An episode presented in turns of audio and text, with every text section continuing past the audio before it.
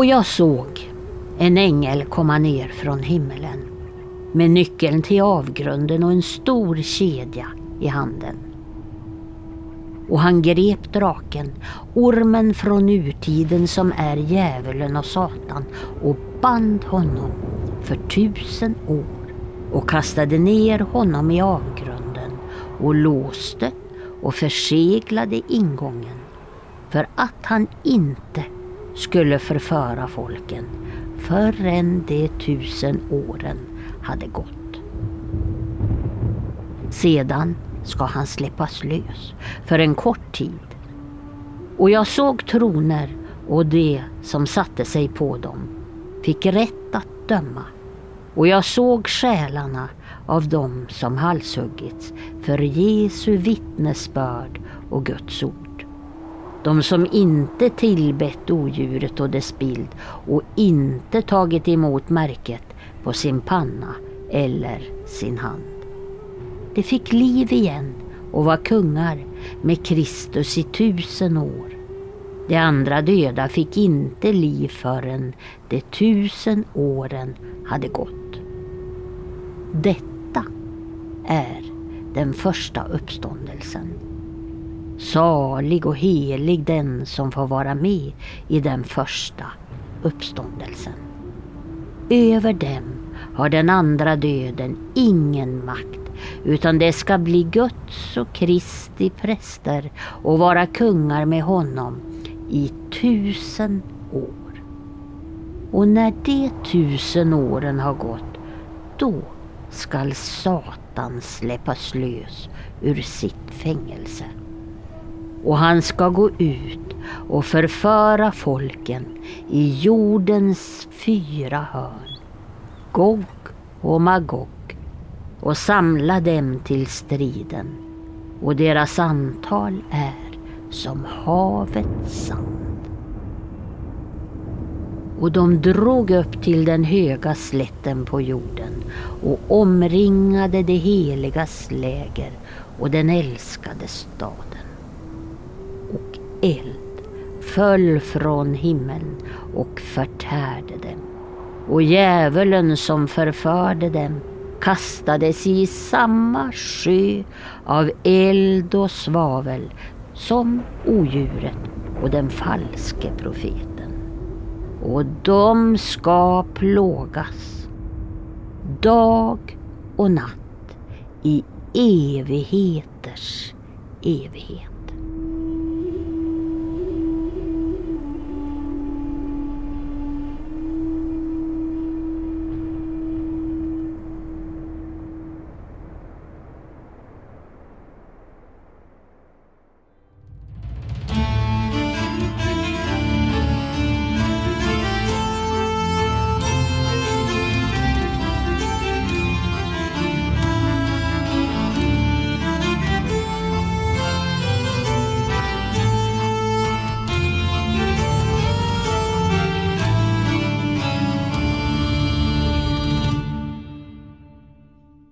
Hej och välkommen till podcasten När man talar om trollen med eh, mig Lars Wahlström ifrån Oknytt. Och eh, mitt emot mig här har jag ju Tommy Kosela som är doktor i religionshistoria.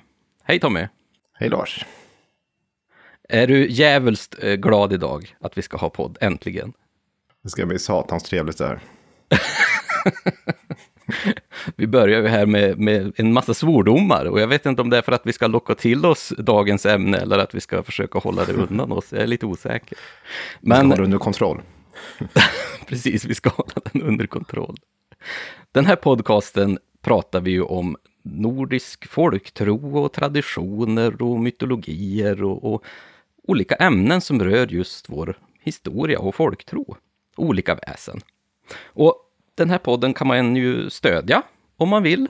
Eh, vi har blivit efterfrågad flera gånger, så till slut så har vi ju gjort så att man faktiskt kan stödja oss om man vill i vårt arbete med podden. Och det är ju då ett bra sätt är ju till exempel då Patreon som vi har skaffat, där vi lägger ut bonusavsnitt och Evas alla inläsningar till exempel separata, där man kan ta del av mycket trevligt material. Och där heter vi då När man talar om trollen eh, på Patreon. Så är det. Men du Tommy, dagens ämne, vi svor lite här i början. Varför svor vi en massa? För att den här gången ska vi ta oss an ett, eh, ett, ett eh, diaboliskt ämne. Alltså vi ska prata om djävulen. Men framförallt ska vi väl prata om folktrons eh, djävul. Alltså den folkliga föreställningsvärldens djävul. Och kanske inte, vi kommer ju nämna såklart, det måste vi göra för att kunna komma in på ämnet. Den mera kosmiska och alltså, världsomstörtande eh, motståndaren som finns inom kristendomen exempelvis. Så kyrkans djävul. Men vi ska så snabbt som möjligt komma in på just kanske de mer folkliga föreställningarna. Ja, för just när vi pratar om det här med djävulen är det ju så som vanligt, det är ju ett sånt jättestort ämne det här. Och speciellt om vi ska börja prata om religionen. Så att vi måste ändå Eh, begränsa oss lite grann. Och vår specialitet är ju just folktron också. Och han är så spännande när vi pratar om just djävulen i folktron. Han, han skiljer sig så pass mycket. Men vi kanske ändå ska ta en ganska gammal och ändå biblisk text här. Den här texten i början, vad var det för typ av eh, berättelse? Det är en, en av flera tillfällen som, eh, då, som vi nämner djävulen här, eh, omtalas i det som är Bibeln, alltså de texter som Bibeln utgörs av. Så det här är Nya Testamentet då, och Uppenbarelseboken som vi får den här profetiska bilden av djävulen som kommer ligga bunden i tusen år och sen så släpps han lös. Så att det tyckte vi är ett passande tema att börja med.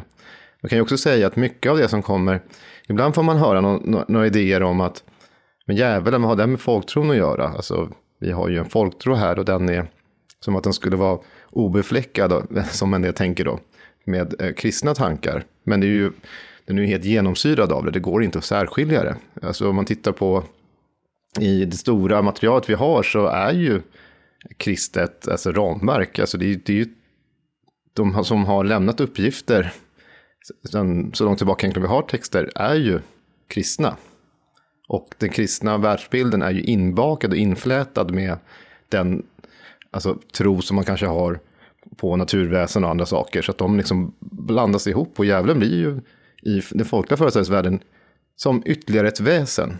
Vi kommer att prata lite mer om det sen här under det här avsnittets gång, men det är ju ändå ett väsen som, så som djävulen framställs i den folkliga föreställningsvärlden, är kanske inte alltid så som vi tänker oss djävulen utifrån hur prästerna står och predikar om honom. Mm. Nu säger jag honom, det är, det är också en, en, diskussionsfråga. Är det en han eller hon eller kanske en hen? Men det, för det finns ganska gamla föreställningar också om att djävulen kunde, som så mycket andra övernaturliga väsen, skifta skepnad och gestalt så som den ville. Och då kunde det också vara, ta formen av en kvinna. Ja, och bland annat i den här texten så får vi höra det um, som en mer beskrivning av att den här uh, djävulen eller Satan är den här stora liksom ondskan snarare, även om den har en form av personifiering här.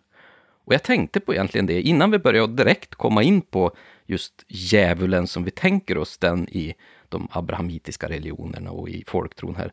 Så kanske vi ska fundera lite grann, finns det i andra kulturer och religioner, just den här onda liksom, motståndaren, eller en, en personifierad ondska? Det, det, är ju... Det här med ondska tycker jag kan bli ett problematiskt begrepp. Eh, mm. Jag vet ju själv som kommer ifrån då, forskning om fornnordisk religion, att användandet av ondska där tycker jag inte riktigt blir helt rätt. Eh, om man sätter till exempel eh, och liknande, som jag också kan tycka är problematiskt ibland, i, i liksom motsättning till de som, är, som upprätthåller världsordningen. Men det är ju inte tal om ondska på det sättet som kanske kristendomen skulle säga att ondska är. Utan det är ju bara det är en kamp om tillvaron på ett annat sätt. Och tänker vi så att det är ett kampmotiv, alltså ett stridsmotiv mellan de gudarna som eh, upprätthåller den världsordningen som man tillber, så att säga, som man är en del av då kanske de har motståndare istället. Det, det där är ju ett väldigt gammalt motiv. Vi finner exempelvis en statsgud som Ma, eh, Marduk som strider mot eh, Tiamat. Eh, och sen så dödar Tiamat och skapar, liksom, eh, skapar någonting av det. Och vi har ju flera andra liknande kampmotiv mellan i grekisk eh, mytologi finns det ju också liknande föreställningar om tidigare alltså, grupperingar av titaner och giganter och sånt där som som gudarna, de olympiska gudarna strider emot och, och måste bemästra för att stämpla sin, sin makt och, och eh, sin världsordning. Ja, och I fornnordisk religion har det ju samma sak då mot jättarna som är gudarnas motståndare. Men också har vi de här allianser som stiftas emellan och sådär. Och det jag nämnde nu är ju bara, än så länge, är ju så kallade politistiska religioner, alltså religioner där vi har ett flertal gudar som man kan vända sig till. Det som skiljer sig åt i de abrahamitiska religionerna, alltså judendom, kristendom och islam, är ju att där har man då en gud. Och då sätts den här djävulsbilden som finns i alla tre, fast tolkas lite olika, då som en slags motståndare mot den här Eh, gud, fast samtidigt en underordnad och en del av alltså den ordningen som den guden upprätthåller. Och då kallas det för monoteistiska religioner, eftersom det är mono, en gud. Men det finns också en sån här eh, zoroastrismen eller mastaismen, alltså den som i gamla Persien. Jag tror att den är lokaliserad någonstans i nordöstra Pers eh, Iran, motsvarande dagens då. Som den kan ha uppstått. Som är också ganska gammal, där har vi också två. Eh, då har vi, Eh, vad ska vi se om jag kommer ihåg det här, ja, Ahura Mazda, eh, som är då, alltså den, den guden man vänder sig till som, som är den stora guden. Och sen har vi en motståndare som är Arman, som, som påminner en hel del om det som senare blev, som finns i, finner i djävulen då i kristendomen exempelvis. Mm. Jo, men det känns ju som att det är en ganska eh, tydlig skillnad här, för att just när man har den här ende guden så ser man gärna att det ska vara den här världsguden som är, är god och ser till att vi har det bra. Men det sker ju fortfarande ondska i världen och vem står för den ondskan? Liksom? Är det den här enda fine guden som vi tillber eller är det någon utanför? Eh, ja, det är ju nu är du inne på det här teodicé-problemet också som jag kände. Mm. Mm. hur, hur en, en liksom, alltigenom god gud då kan tillåta en massa eländen i världen.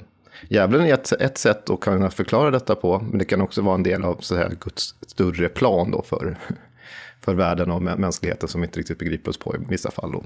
Ja. Men när vi pratar nu om djävulen i den här äldre tiden, om man säger så, i de här äldre källorna, de här äldre texterna i de abrahamitiska religionerna, hur, hur framställs egentligen djävulen här i stora drag? Ja, det, det, det, är faktiskt en viss skillnad och jag är egentligen inte bäst lämpad att, ta, att, svara på det. För att det finns ju forskare som håller på med exegetik då, eh, bibelforskning. Mm. Och så man kan, där kan man ju se en viss skillnad. För att i judendomen och i, det som, och i gamla testamentet då, så har vi ju en bild av djävulen. Men i nya testamentet har vi också lite olika bilder av djävulen. Och de är ibland motsägelsefulla. Och det är inte konstigt för att det bygger på olika källor från början som har liksom sammanställts på det här sättet. Så att man kan väl se det som en, om man ska försöka förenkla det, som en frestare, en, en som testar människan på olika sätt.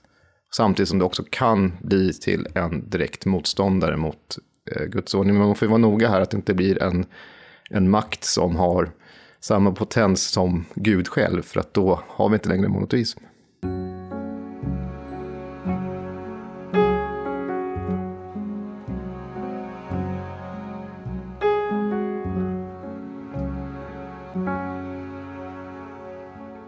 Ja, innan vi ska presentera avsnittets första två gäster här så kan jag bara, för att det är lite av intresse för att det har skrivits oerhört mycket faktiskt om djävulen. Mm. Internationellt sett så har det skrivits många bra studier om djävulens äldre historia. Det har skrivits uh, i olika också, allt ifrån religionshistorisk, religionsvetenskaplig forskning uh, och det har skrivits litteratur vetenskaplig forskning och, och inom film, alltså allt. möjligt. För djävulen är väldigt central för de kulturer som, som de här religionerna har varit liksom stor in, inom. Eh, jag kan bara nämna som ett, ett exempel. Nu blev det aldrig en sån bok, men det var ju många kända personer även här i Sverige som gick och liksom funderade på att skriva den här djävulens historia. Och en av dem är faktiskt Viktor Rydberg som vi har pratat om här. Jaha, han var så fascinerad han skulle skriva äh, djävulens historia, men det, mm. det blev aldrig av. Men det hade varit intressant om han också hade hunnit göra det. Vil vilken rolig eh, skillnad däremellan. Skrev inte han den här eh, väldigt kända dikten Tomten? Jo då. Men så kanske han var lite sugen på att forska om djävulen också. Det var ju lite spännande faktiskt. Men det är ju precis som du säger Tommy, vi, vi behöver ju lite hjälp här ändå för att få lite mer förståelse om just djävulen och den här onda makten som finns i de här äldre religiösa texterna. Och därför har vi ju tagit kontakt då med, med Nathalie Lantz och Peter Spjut, som eh, båda är doktorander i exegetik, just förståelsen och läran och tydan av de här bibliska texterna. Och Nathalie Lantz är då expert på Gamla Testamentet medan Petter är då expert på det Nya Testamentet. Så vi ska få lära oss lite här om djävulen i den äldre tiden. Och innan de kommer nu så vill jag bara säga en sista sak här. Mm. Och att både Nathalie och Petter har ju också haft, de är båda verksamma vid Uppsala universitet. Måste jag ju säga här, som jag sitter i Uppsala. Och de har också haft en väldigt uppmärksammad eh, kurs som hette just en Satans idéhistoria, som var väldigt populär och omskriven. Så det, det är en intressant sak att, att, att föra fram här.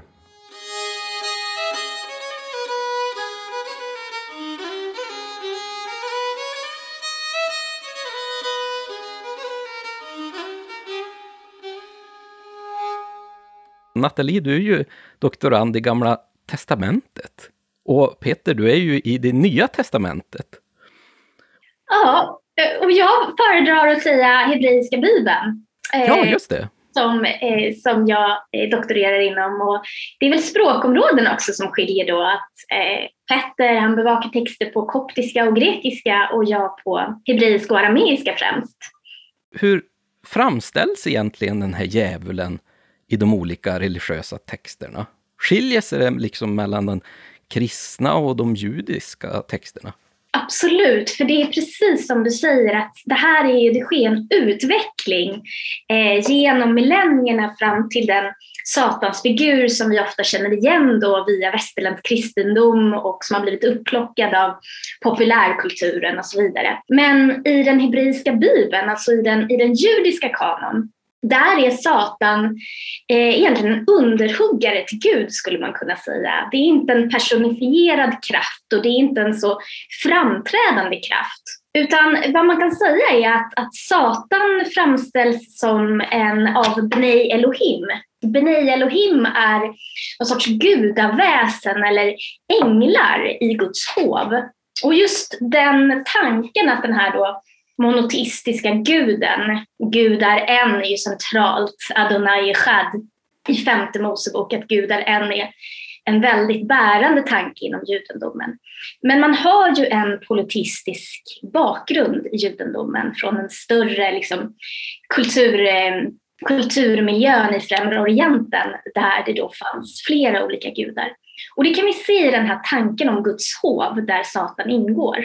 Så att egentligen så nämns Satan som en mer personifierad gud bara i två texter i den hebreiska bibeln. Och det är bland annat i Sakarja, där Gud har eh, sagt till en man att inte gå en viss väg. Eh, men den här mannen slår sig in på den vägen, då uppenbarar sig Hassatan, alltså Satan i bestämd form, för mannens åsna och då förhindrar att, att det här ska ske. Så att där kan man säga att, att Satan är en hjälpare till Gud. Men när Satan blir riktigt jävlig, skulle man kunna säga, det är i Jobs bok. För då är det så att den här Job han beskrivs som den mest rättrådiga mannen som fanns på jorden och Gud, han skryter över, har du sett min tjänare Jobb? Och det är nästan, man blir nästan provocerad om hur, av hur eh, rättrådig Job är. Men då kommer Satan han kommer inför Gud tillsammans med andra Bnei Elohim, andra gudaväsen, andra änglar och säger ja, men du har ju faktiskt välsignat jobb. Han har otroligt mycket boskap, det är en mäktig man, han har flera barn och så vidare. Men vad skulle hända om du sträcker ut din hand och rör vid honom och förstör allt det här han har? Då skulle han förbanna dig rakt upp i ansiktet. Och Gud ger alltså då Satan eh, mandat att ställa till det gruvligt för Jobb. Han förlorar all sin boskap, han förlorar sina rikedomar, han förlorar alla sina söner och döttrar. och blir själv eh, ansatt av varbölder. Så till slut sitter han på en askhög och skrapar sitt skinn med små liksom, keramikskärvor. Men han förbannar inte Gud. Till slut, när, när Satan har knäckt Jobb, så börjar Jobb att eh, darra på manschetten och eh, förbanna Guds namn och förbanna dagen han föddes. Eh, men då träder Gud in i historien och håller långa tal och till slut så får, får Jobb tillbaka det han har förlorat. Eller han får en ny familj helt enkelt. Men här kan man se då att hela tiden så står Satan under Gud. Och det är i, i hebreiska bibeln och det är först en senare utveckling när Satansfiguren blir personifierad. Och det, det är den hellenistiska perioden eh, som Petter kan berätta lite mer om man skulle kunna säga att mycket av det här börjar under den babylonska exilen. Under 500-talet så förs ju eh, det judiska ledarskapet bort till Babylon. Och det är under den här tiden som man helt enkelt börjar sätta ihop hebreiska bibeln. Texttraditioner skrivs ner, samlas in och eh, det pågår ett intensivt kollektivt sorgarbete skulle man kunna säga. För precis som Nathalie tog upp så är det här ett ganska starkt eh, politistiskt samhälle. Det finns starka politistiska strömningar och man förstår bäst den tidiga israelitiska religionen i ljuset av det här. Men efter att templet hade förstörts i Jerusalem så var man på något sätt tvungen att hantera det här vad betyder det att Guds boning förstörs? Jo, i ett politiskt system så borde det betyda att den egna guden inte är den mest kraftfulla. Att de andra folkens gud, som på något sätt stod bakom dem i krigsföringen, var mäktigare. Och så här kunde man ju naturligtvis inte ha det. Och ett sätt att försöka lösa det här teologiska problemet blev att betona det egna folkets snedsteg. Man hade syndat, man hade ägnat sig åt avgudar. Egna guden straffade dem genom att förstöra templet och genom att låta dem föras bort till Babylon. Och ett resultat av just det här tankesättet blev en mycket starkare monoteism. Man gick från att på något sätt erkänna andra gudars existens till att bara erkänna den egna gudens existens. Och då sker en viss förändring. Eh, en sak blir att eh, den egna guden blir mer upphöjd och mer felfri. Och det finns större behov av att förklara bort varför det finns ondska i världen. Den tidiga demonen, den onda demonen, stammar från en kritik mot andra folks gudar, skulle man kunna så det är en, en aspekt som är viktig att få med där, att det finns en föreställning om en ond kraft eller en massa olika onda krafter. För de är inte så organiserade i början och de blir det lite senare i tidig kristendom. Men hur är det då med Satans gestalten? Ehm, jag sa ju att Satan blir lite mer radikalt ond och kallas inte alltid Satan i de här allra tidigaste texterna. Och det här är delvis ett sätt att hantera de här etniska spänningarna som finns. Mm. Men det är också ett sätt att försvara Gud i den egna traditionen. Mm. Eh, för Gud gör en del ganska problematiska saker. Han är inte helt stabil. Alltså det, det vi, vi har ju exempelvis eh, ja, en passage i Andra Mosebok där Gud helt plötsligt ingriper för att döda Mose. Helt out of the blue. Och eh, det här har ansetts problematiskt i judisk och kristen tradition och, många forskare menar att det här är resultatet av redaktion helt enkelt, när man har stoppat in ett folkloristiskt element och sen så tillskrivs eh, det här Gud.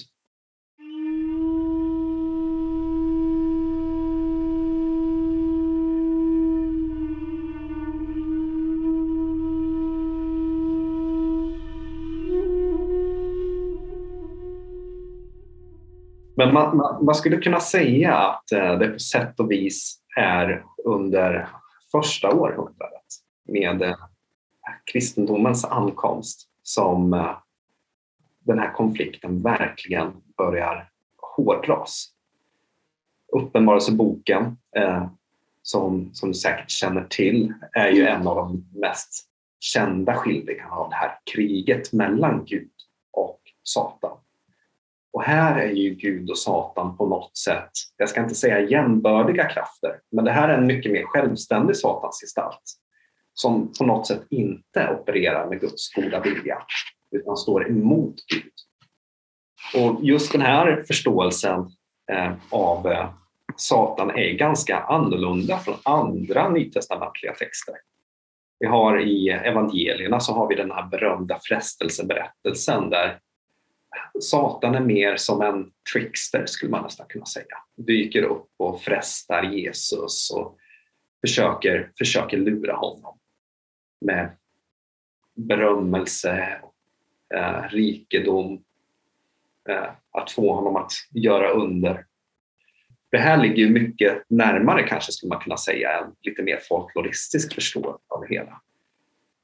Och de här perspektiven finns i ungefär samma tidsperiod Mm. eh, och, och samexisterar. Mm. Så Uppenbarelseboken är väl kanske ett av de mest eh, extrema exemplen på en, en mäktig satansgestalt Mm. som är motståndare till Gud.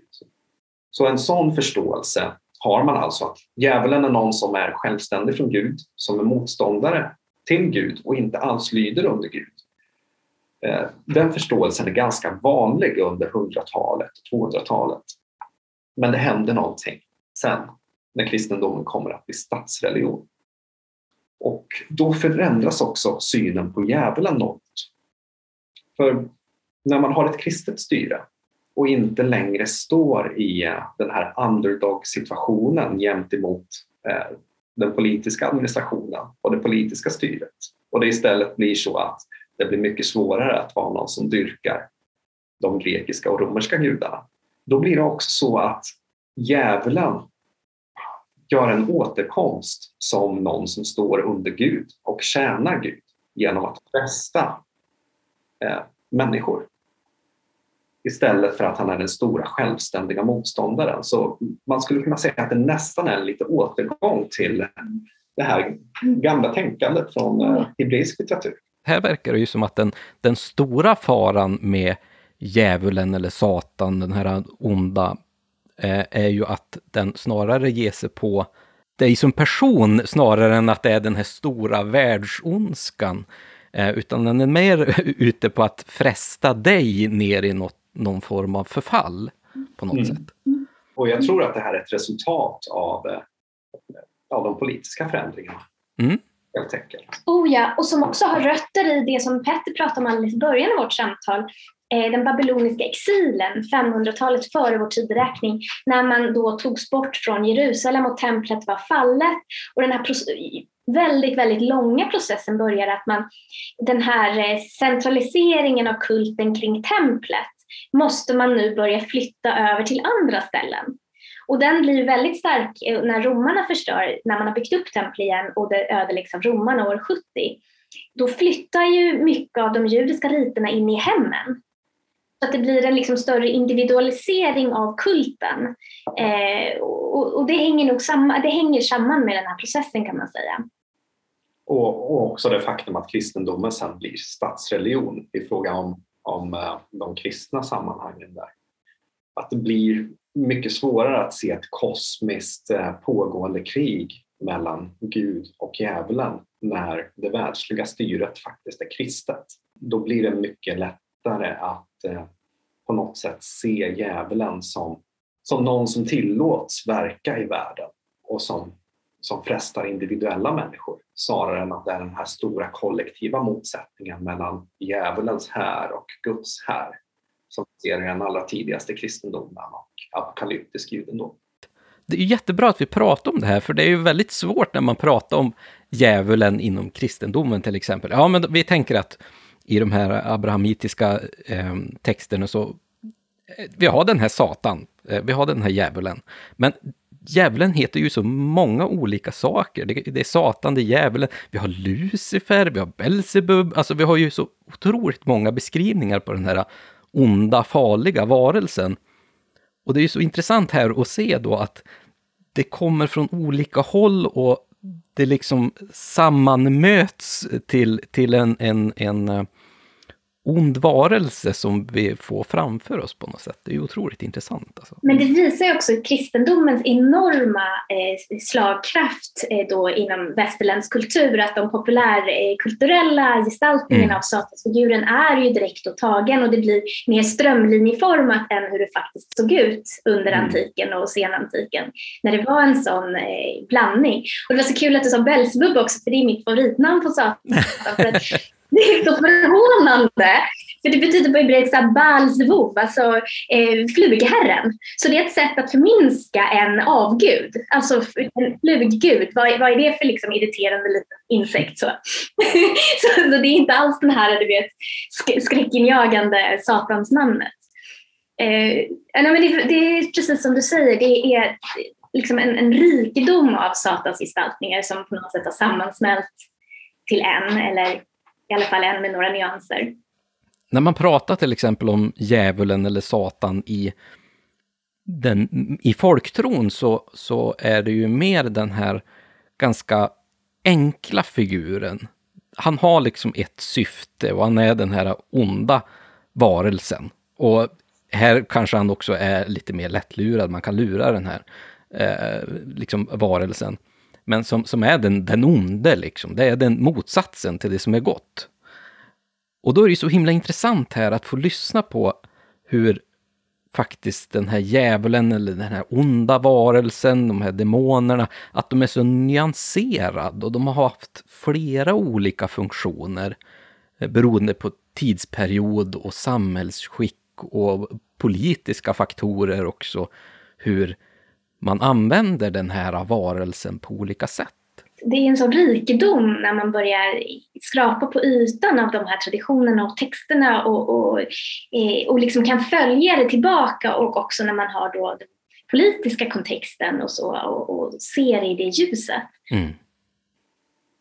Men Nathalie och Peter, jag får tacka er så otroligt mycket. Det här var fantastiskt spännande att få höra om den här som vi kanske har trott varit den här väldigt farliga, hemska, superonda makten, men han kanske är lite mer nyanserad än vad vi faktiskt har tänkt oss. Ja, men vad härligt! Sympati för djävulen. ja, precis. Nej, men tack själv, det var väldigt kul. Ja, ja eh, jätte, jätteroligt att ha det med. Eh, så att jag hoppas att vi får ses eh, fler gånger. Ha det så himla fint hörni. Ja, detsamma. Ja, du också. Ha det bra så hörs vi. Ja. Hej, hej. Hej, hej.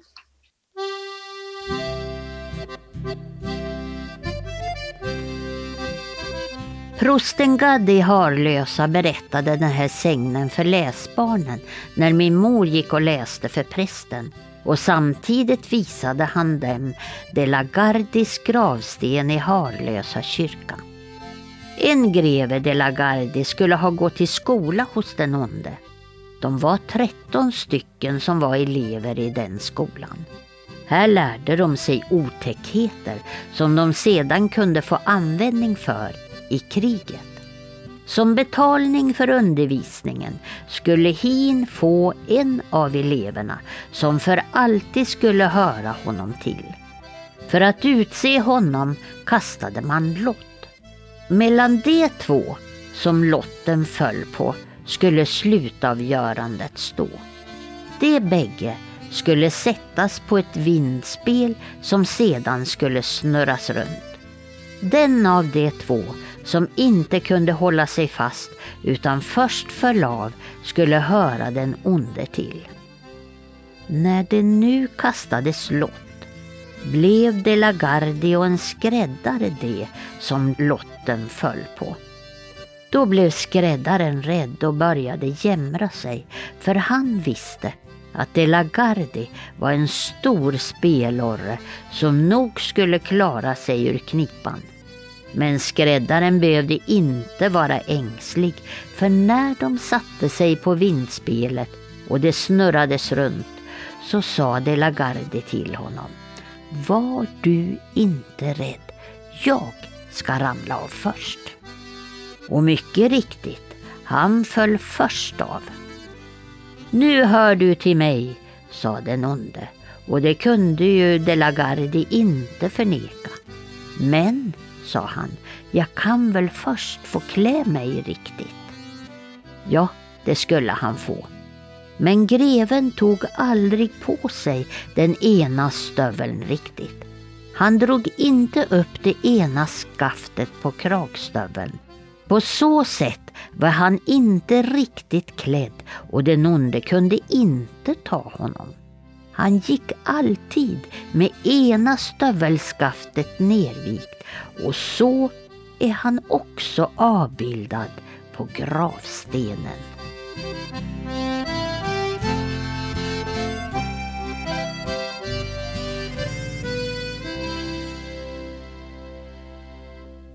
Hörru du Tommy, här hade vi ju greven de la Gardie från Skåne. Han som lurade djävulen, hin hårde, själv. Genom att inte riktigt dra upp eh, stövelskaftet. Så att eh, då var han inte riktigt klädd och då kunde ju naturligtvis inte eh, den onde ta tag på honom. Exakt, och det här är någonting som vi kommer höra mycket mer av i det här avsnittet.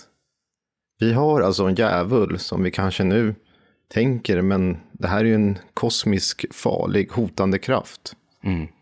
Men i den folkliga föreställningsvärlden så har man liksom förmänskligat djävulen på sätt och vis. Han går omkring bland bönderna eller bland vanligt folk helt enkelt. Och även i borgarmiljöer och i, bland adelsfolk. Och iklär sig lite olika kläder. Och är en person man kan lura. Och det är ett jättevanligt motiv att djävulen kommer och ska självklart åt någons själ. Men det går att lura djävulen. Så man pratar ibland om den dumma djävulen också i vissa fall. Och här har vi dessutom knutit till en väldigt känd eh, adelsperson. Jag tyckte det var lite intressant här också, som jag vet inte om det har stor betydelse eller liten betydelse, men det var 13 elever i den här skolan där man blev skolad mm. av djävulen själv. 13 är väl just ett nummer som är ganska betydelsefullt inom trolldom och folktrovärlden. Ja, det, det, det, är ett magiskt tal. Vi har ju fredag den 13 och sådär också. Eh, olika idéer om vad det upp kommer ifrån.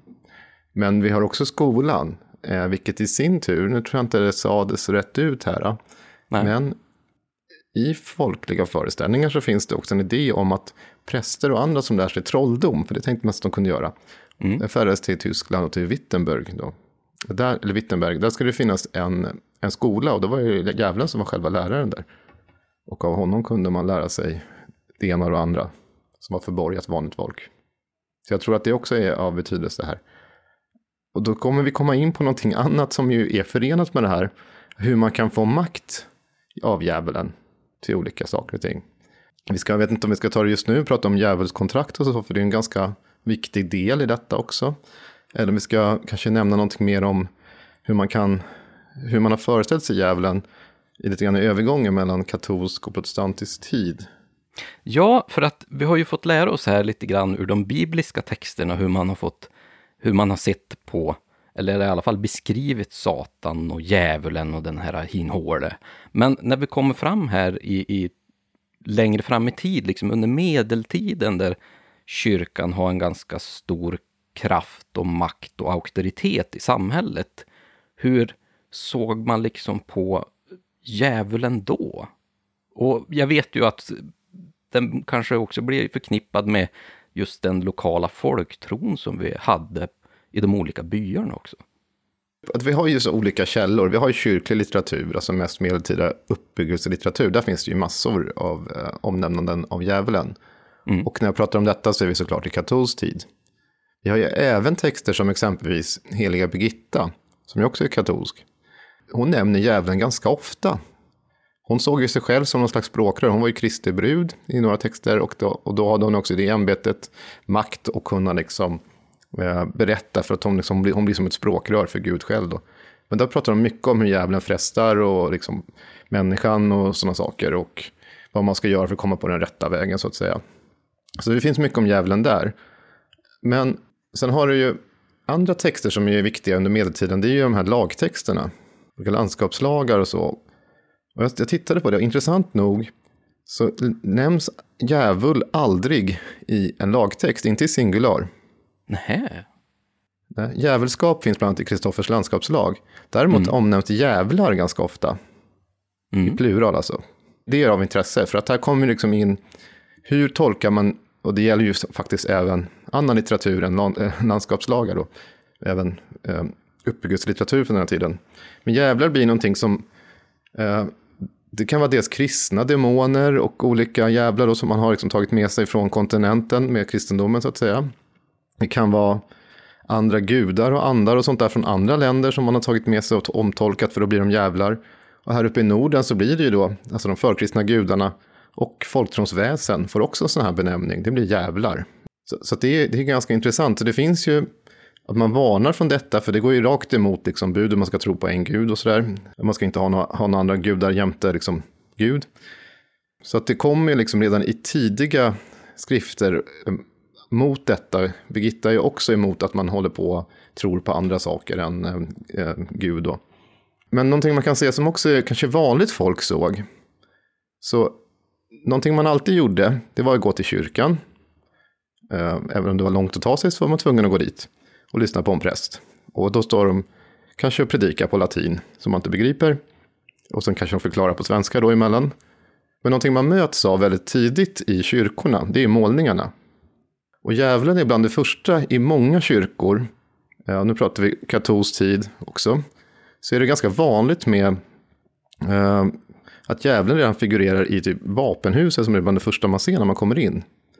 I olika scener, hämtade från eh, uppbyggelselitteratur men även ifrån, i vissa, vissa fall, kända personer som faktiskt finns till och med i, i folkliga berättelser.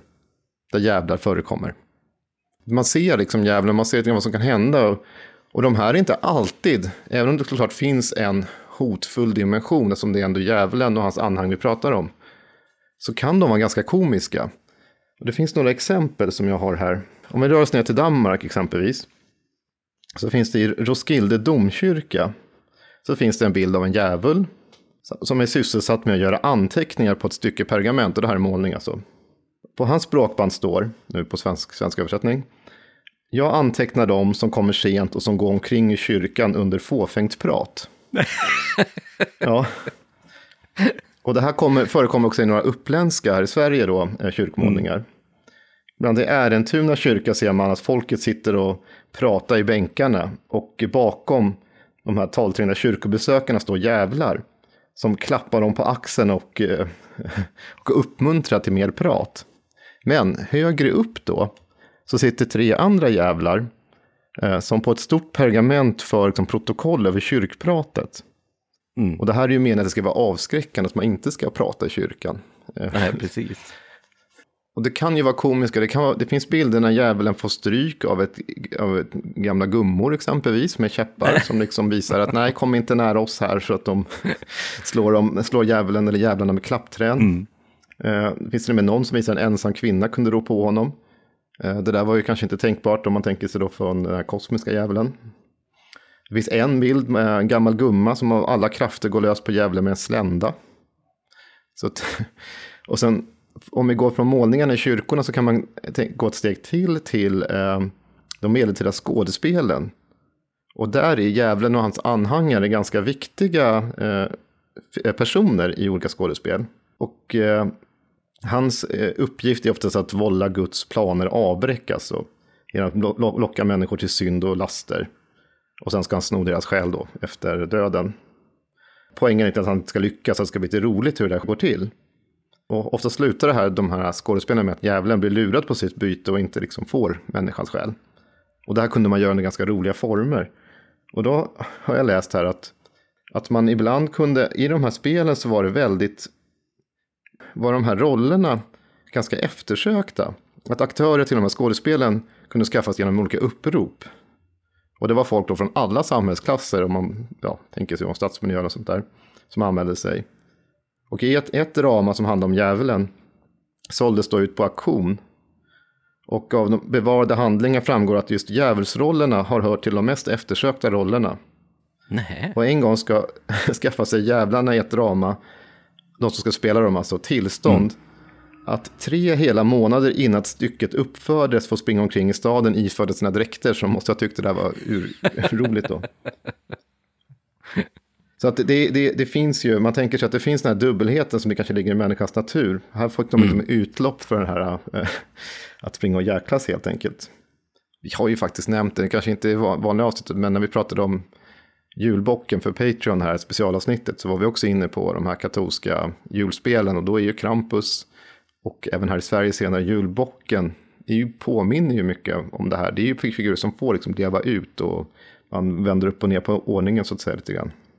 Det är ju väldigt intressant här att se när vi pratar här om de här lite mer, som vi kanske tycker är väldigt komiska kyrkmålningarna, eh, att den här, ah, som du säger, kosmiska djävulen, den här kosmiska ondskan, som man kanske pratar om i, i de bibliska texterna, att den är tagen ner ett snäpp för att den ska bli tydlig för eh, liksom det vanliga folket.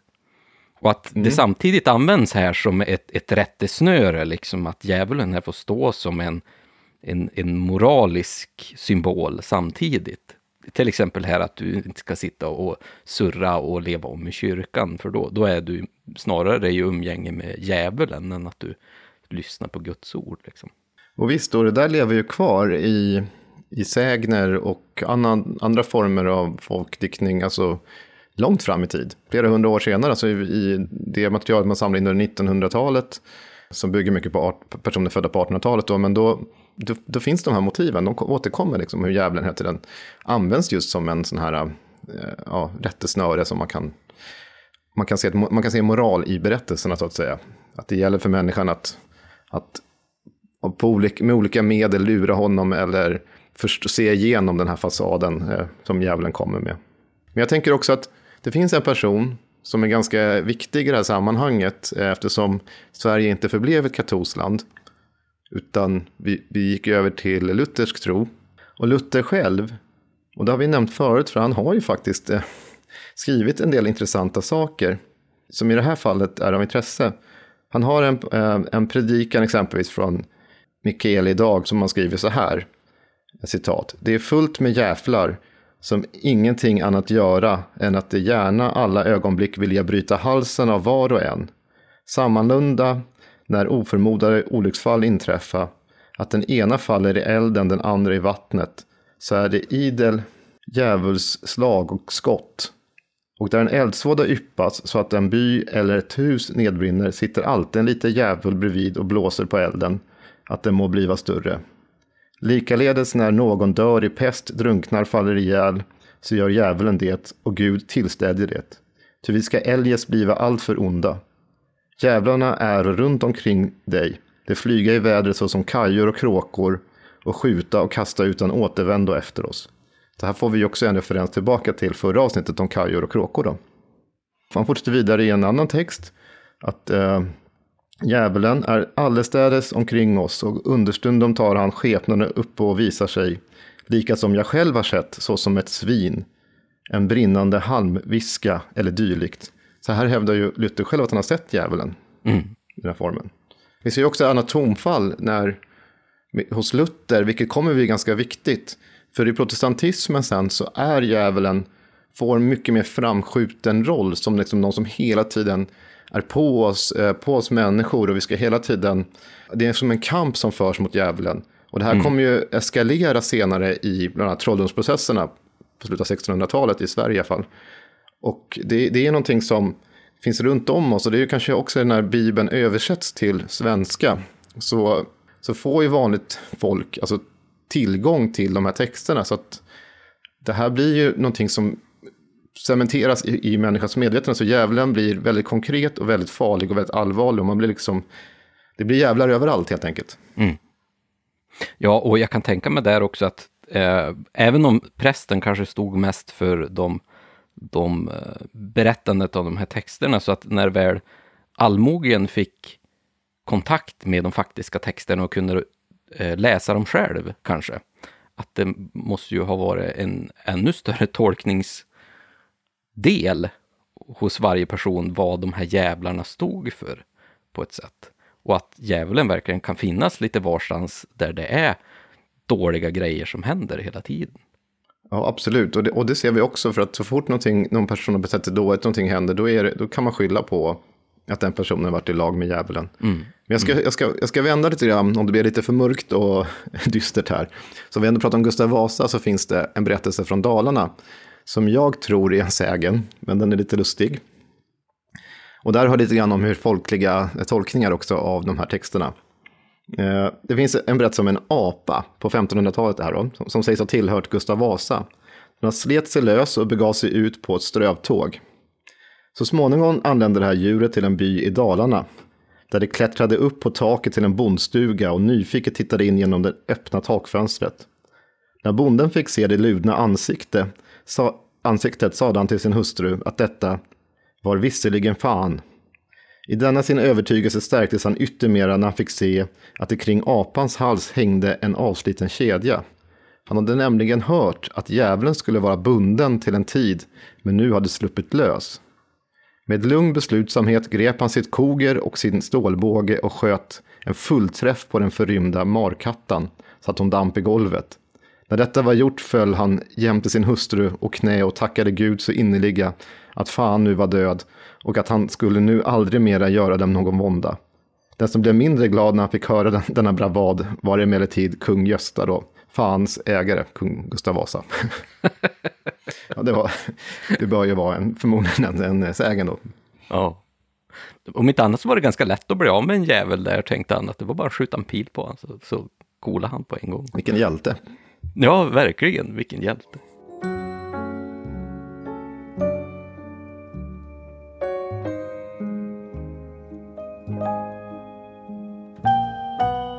Det var en som hade slagit hö och när han hade kvällsbrynt lien sin så sa han att nu var lien så vass så nu skulle han kunna slå i kapp med själve fan. Då kom den onde med ens och antog anbudet. Men bonden blev bekymrad när han gick hem. Så mötte han en som frågade vad som var fatt eftersom han såg så bekymrad ut. Jo, sa bonden, jag ska ju slå i kapp med fan imorgon. Då sa den andre att han skulle få en lia av honom, men han fick inte spåna och vässa lien och absolut inte titta i äggen. Dagen efter så började de att slå och var gång de kom fram till andra ändan med skåran så ville fan spåna och vässa. Nej, sa bonden. Vi slår idag och spånar imorgon.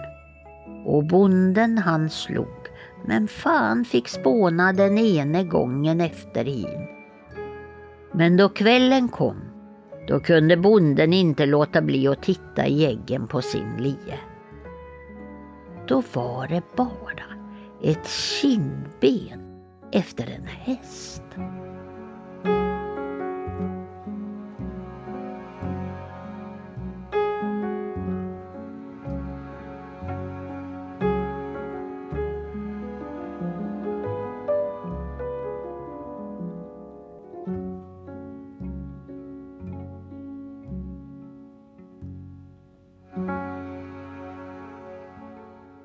Här hade vi ju en liten tävling eh, som är nedskriven i Karl Martin Bergstrands Hallandsägner. Eh, om just den här bonden som ska tävla med djävulen med lieslagningen här. Det är intressant här att så fort han hade sagt eh, djävulens namn så dök eh, djävulen upp också. Det handlar lite grann kanske om att man inte ska nämna hans namn förstås.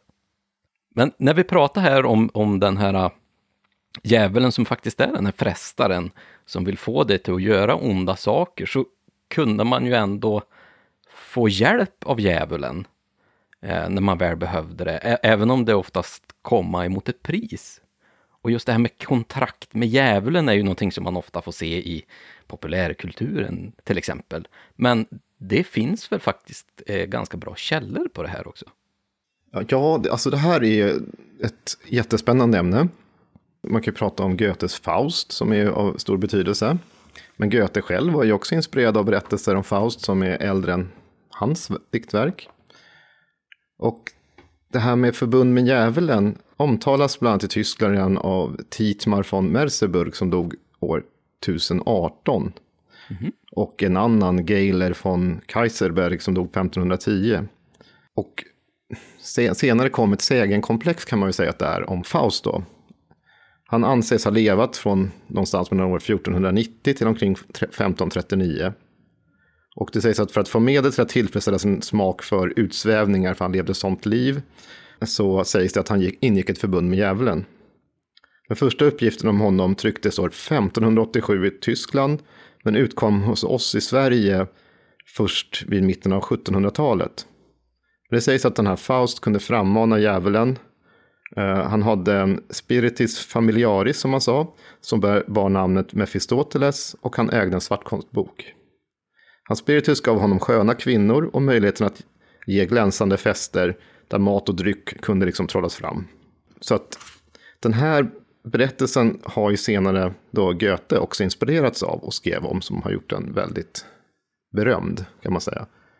Men det finns massor att berätta här. Alltså det är ju, jag vet inte om vi ska prata kanske om de faktiska äldre berättelserna om djävulskontrakt som man har haft, förutom den där då. Om man lämnar utlandet och pratar om Sverige exempelvis, så finns det en text som jag kanske till och med ska läsa en del ifrån. Mm. För jag tycker den är tillräckligt intressant för att man har ett djävulskontrakt där det finns ett antal punkter.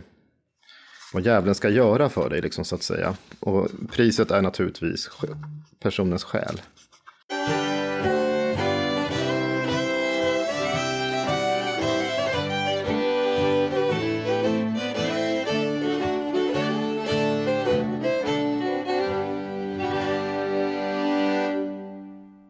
Det finns en person som eh, då, egentligen så, i Sverige kan man prata om, dels har vi ganska mycket djävulskontrakt från 1600-talet, eller berättelser om dem snarare, men de, och de tillkom ju då under trolldomsprocesserna.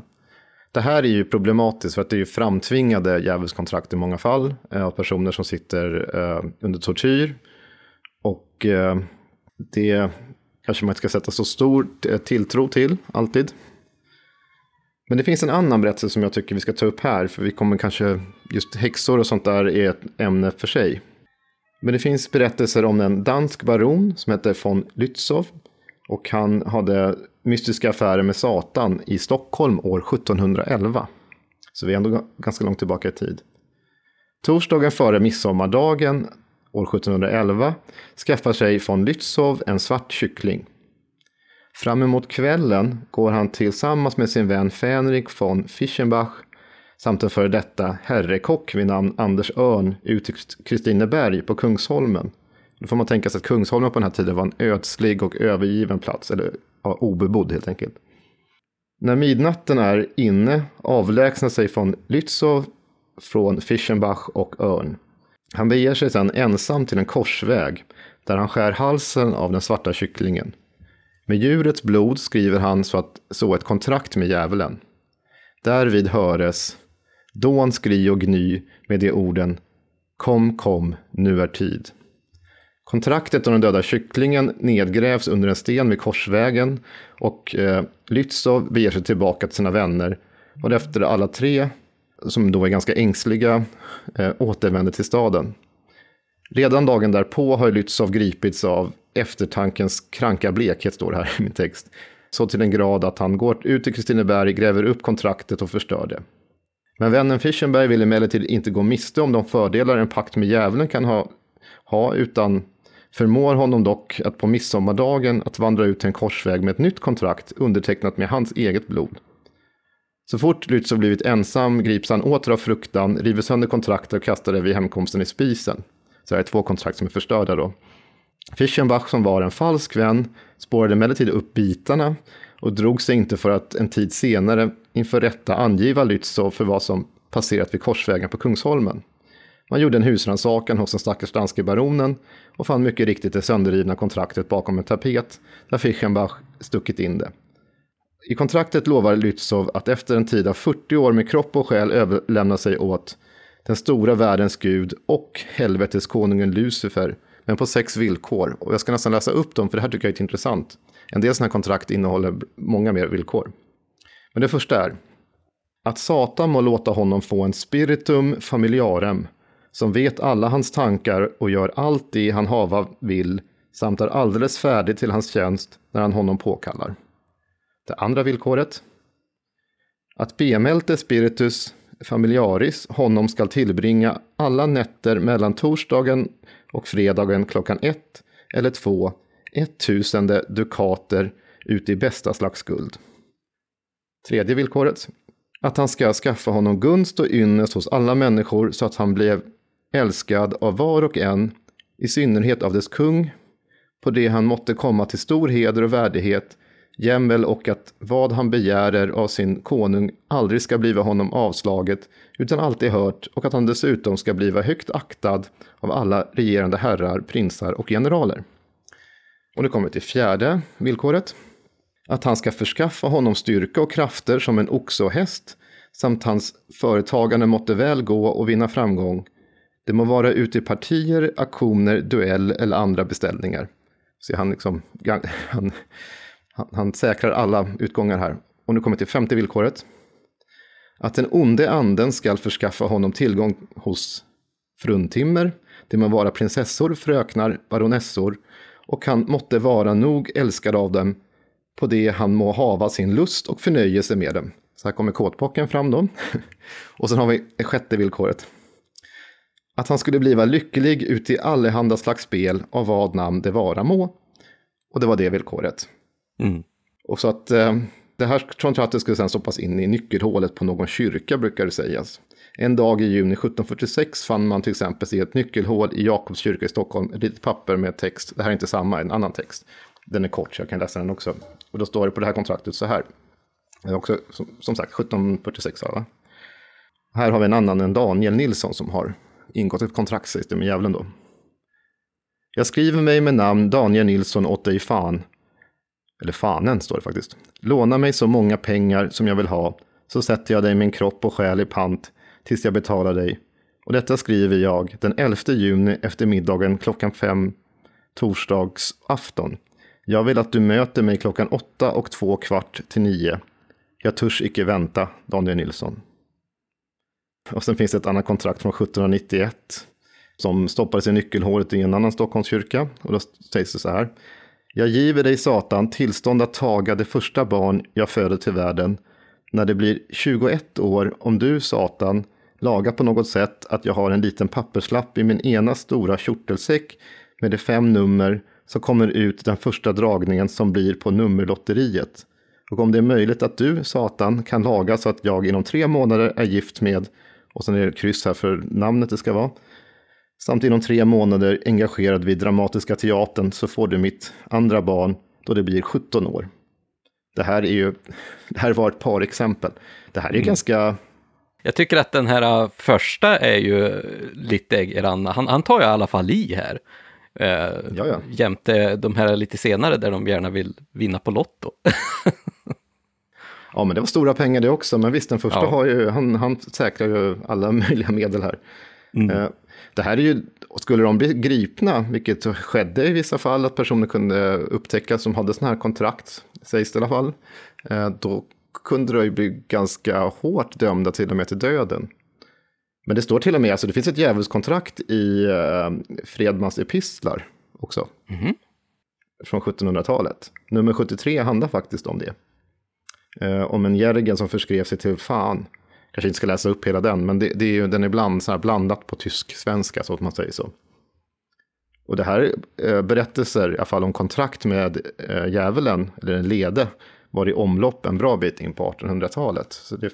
det är ju väldigt intressant det här, för att du nämnde ju där också, att de skulle få en, en spiritus familjar. Ja. Och det ja. ser jag ju framför mig är en liten liksom, varelse som du har då. Och mm. finns det inte någonting inom folktron, eh, inom de trosföreställningar vi har, att man kan ha en spiritus? Ungefär som man kan ha andra dragväsen som en mjölkar eller en bjära. Och det är väl också en form mm. av kontrakt man ingår för att få en sån eh, varelse. Jo, men det är det. I folkliga föreställningsvärld, de har ju olika namn, men som, precis som du säger, spiritus brukar man bara kalla den för då. Oftast är det en liten ask som man, som man har en liten figur i. Det kan vara en liten skalbagge, en groda eller till och med, det behöver inte vara ett riktigt djur, det kan vara någonting annat. Eh, som man antingen spottar på eller, eller matar med blod. Och den ska man bära på sig någonstans. Det finns såna, några sådana här bevarade faktiskt, eh, bland annat i Nordiska museet i Stockholm. Mm. Eh, och eh, tanken är då att de ska dra, därför kallas det för dragväsen, att de drar lycka i oftast pengar till ägaren till de här. Men naturligtvis är ju det här i en, ett, en mindre form av ett djävulskontrakt. Mm. För det är därifrån man får makten. Precis som med häxorna som har sina eh, då, mjölkarar, bjära, puke, vad man kallar det för. Som också är en form, och de här finns ju eh, också i kyrkmålningar ner tillbaka till medeltiden, alltså i Sverige. Att man har avbildat just häxor som står och tjänar eh, mjölk, eh, smör menar och så står en djävul bredvid. Och tanken är då att den häxa som har gjort detta får då möjlighet att sända ut sin, sin eh, om vi kallar den för bjära då, ett tjuvmjölkande väsen, till en granne och sen så stjäla mjölk av den. Så springer den tillbaka och spyr upp det till häxan. Det är också avbildat, bland annat här i Uppland finns det eh, en jättefin kyrka utanför Enköping där, där det finns också den här, då är det som en hare som spyr upp liksom mjölken i en liten bytta nedanför häxan som står med djävulen bredvid sig. Det är ju ett så pass intressant ämne så vi kanske till och med ska göra ett avsnitt om, om just dragväsen någon gång. Men det är ju intressant det här med de här kontrakterna för att det är ju en ganska stor grej man gör som person ändå. Eh, och vi måste ju ändå tänka på att det här handlar ju om tider där man verkligen har en otroligt stark tro, så det här måste ju vara ändå en ganska risktagande ur ett personligt perspektiv att göra de här kontrakten. Ja, samtidigt får vi också tänka oss att mycket av det här kan ju också bara vara folkdiktning. Det finns några faktiskt mm. kontrakt bevarade som senare tid och sådär. Det finns ju också, det också, som jag sa tidigare, finns det ju kontrakt i, som är bevarade från domstolsprotokoll med, med från trolldomsprocesserna. Men de, de känns ju problematiska just av den anledningen att de är framtvingade så att säga. Jag tänkte på en sak här när vi hörde den här texten om de här två kontrakten som blev förstörda. Där stod ju mm. att man skulle mötas vid en korsväg. Varför ja, var precis. det så viktigt? En korsväg är en sån här plats eh, som är enligt eh, magiskt tänkesätt eh, en kraftladdad plats. Mm. Det blir ännu mer så om en av de här vägarna leder till en kyrka, en kyrkväg. Men det är just de här korsningarna som är det liksom blir en, där flera punkter möts, där blir det extra mycket kraft. Vi skulle kunna, alltså djävulskontrakt är fascinerande och det är, det finns faktiskt ganska mycket skrivet om det, vi har ju bara eh, skrapat på ytan här. Men det finns faktiskt en ganska rolig sägen från eh, Dalsland. Mm. Det bodde för ett par århundraden sedan i Traneberg i Brålanda en man som kallades för Käkepål. Hans gumma hette Elle. De var fattiga. Paul gjorde träskedar och sålde. En torsdagkväll kom en herre i päls in i den lilla Ryggårdsstugan och sa Paul, sitt inte längre här och svält. Jag köper din hustru Elle. Du får hundra daler för henne. Nej, sa Paul. Men får jag ett tusen så får du henne. Ja, sa herrn och gav Paul pengarna. Nästa torsdagkväll kommer jag och hämtar henne. När han gick blev stugan full med rök. Då grät Elle och sa Du har sålt mig till självets skam. Gråt inte, svarade Paul. Han ska inte få dig. På torsdagskvällen band Paul en psalmbok på Elles bröst och en bibel på hennes rygg och satte en bönbok i hennes hand. När sen Skam kom och fick se dessa böcker blev han så rädd att han sprang sin väg. Men Käke-Paul köpte en gård för pengarna och blev en rik man. Den här har ju ändå ett lyckligt slut av Nensvägen. Den här finns också spridd i, eh, även i Västergötland. Och i någon enstaka upptecknas i Östergötland också. Den här var ju också väldigt tydlig att det är inte så himla svårt att lura djävulen heller. Ja, vi har kommit en bit från den här äh, kosmiska djävulen. Då. Ja. Jag, tänkte på det, på det, den här roliga, lite skojiga djävulen. Om vi, om vi lämnar de här kontrakten så, så finns ju faktiskt en text som många kanske har hört talas om, men kanske inte många själv har, har läst. Och det är ju den här gudomliga komedin av Dante.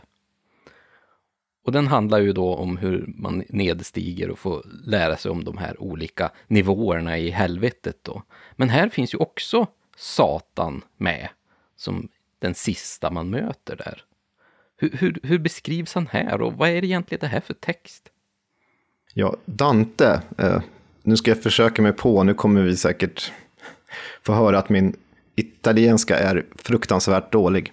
Men han jag tror att Dante. Alighieri, Dante Alighieri, tror jag, något sånt där, som levde på mellan 1265 och 1321.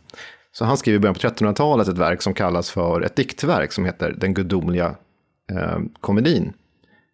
Och i tryckt form så är den cirka 400 sidor lång, innehåller tre delar, eh, Inferno, Purgatorio och Paradiso. Mhm. Och eh, här får man ju veta att diktarens berättar jag, som är Dante själv, möter honom i en dunkel skog där han har gått vilse. Det är en ganska kaotisk plats där, massa, där tre olika vilddjur hotar. Det är också de allegoriskt för dödssynder, så att det är tre dödssynder, vällust, högmod och girighet. Och han känner sig illa till mots och sen kommer en räddare upp i form av en skugga som talar med honom. Och den här skuggan visar sig vara den romerska skalden Vergilius. Eh, som blir hans ledsagare genom Inferno som då är helvetet och sen Purgatorio som är skärselden. Och ger tydliga exempel på hur olika sätt att leva bestämmer vilka straff man får efter livets slut. Vi ska inte fastna i det där, för du frågade om eh, hur djävulen framställs. För den här är ganska, ja, det finns väldigt mycket skrivet om den här kan man säga. Eh, Men djävulen själv är intressant. För syndarna rangordnas också här eh, i straff beroende på, så det blir värre och värre. Men just djävulen, han vistas inte i någon slags eh, brinnande helvete eller så. Han ligger i en infrusen i en fängelsehåla djupast inne i inferno, alltså helvetet av Dante här, man beskriver det. Och han har väldigt eh, begränsade möjligheter att röra på sig. Så han, så här, kejsaren i smärtans rike, måste stå med halva bröstet eh, över isen och är så ful, menar Dante i den här, att man förstår att han är allt eländes upphov. Han har tre ansikten. Det till vänster är svart, det i mitten är rött och det till längst till höger är gult och vitt. De tre käftarna tuggar oförtröttligt på tre ärkeförrädare. Och det här är, är ju då Judas Iskariot, Cassius och Brutus. Och de menar Dante att sveket är den värsta av alla förbrytelser. Eh, ja, så att det, det är väl den kända bilden som man har fått av, eh, från Dante då. Eh, Judas kan vi väl känna igen ifrån de bibliska texterna, men Cassius och Brutus. Brutus, är inte han, kanske även Cassius, var inte de, de som eh, De har med Caesar förrådde Caesar, precis? Jo, exakt. Och det är väl då ganska tydligt att det är just en italiensk text här. Det är ju tydligt att det är romerskt eh, inspirerat då, naturligtvis. Så måste man väl kanske till saken säga här att mig veterligen så tror jag inte att Dantes beskrivning letade sig in i, i eh, bondehemmen i Sverige. Nej, Utan det hör till en mer bildad elit. Även om i och för sig såklart den vägen kan också nå bondebefolkningen. Men Men när vi ändå pratar om de här kontrakten, vi har väl lite spännande också som du nämnde här eh, till mig innan vi, vi började spela in här, just att vi har våran fornnordiska tro också, våra fornnordiska mytologi är lite kopplat här med de här kontrakten. Hur, hur, vad är, finns det för koppling där? Jo, men det är så här, när, när eh, kyrkan etablerade sig i Sverige, eller i Skandinavien, så ville man ju såklart eh, få bort de gamla gudarna. Det fanns ju ingen plats för dem i, i en kristet sammanhang. Det var ju inte en särskilt inkluderande religion. Eh, den var exklusiv. Och eh, då blev ett sätt att eh, stämpla exempelvis de gamla gudarna. Framförallt var det Oden som fick det här, fick bli då en synonym med djävulen helt enkelt. Så att hans, hans namn används ibland som utbytbart lite grann. Eller vid några tillfällen. Det finns eh, i Ola Tryggvasons saga, som är en isländsk saga, heter det, och det här ska ha skett år innan 1200, att Erik Segersäll inför slaget på Fyrisvallarna, som ska ha skett runt 988, givit sig åt Oden för en tidsrymd av tio år.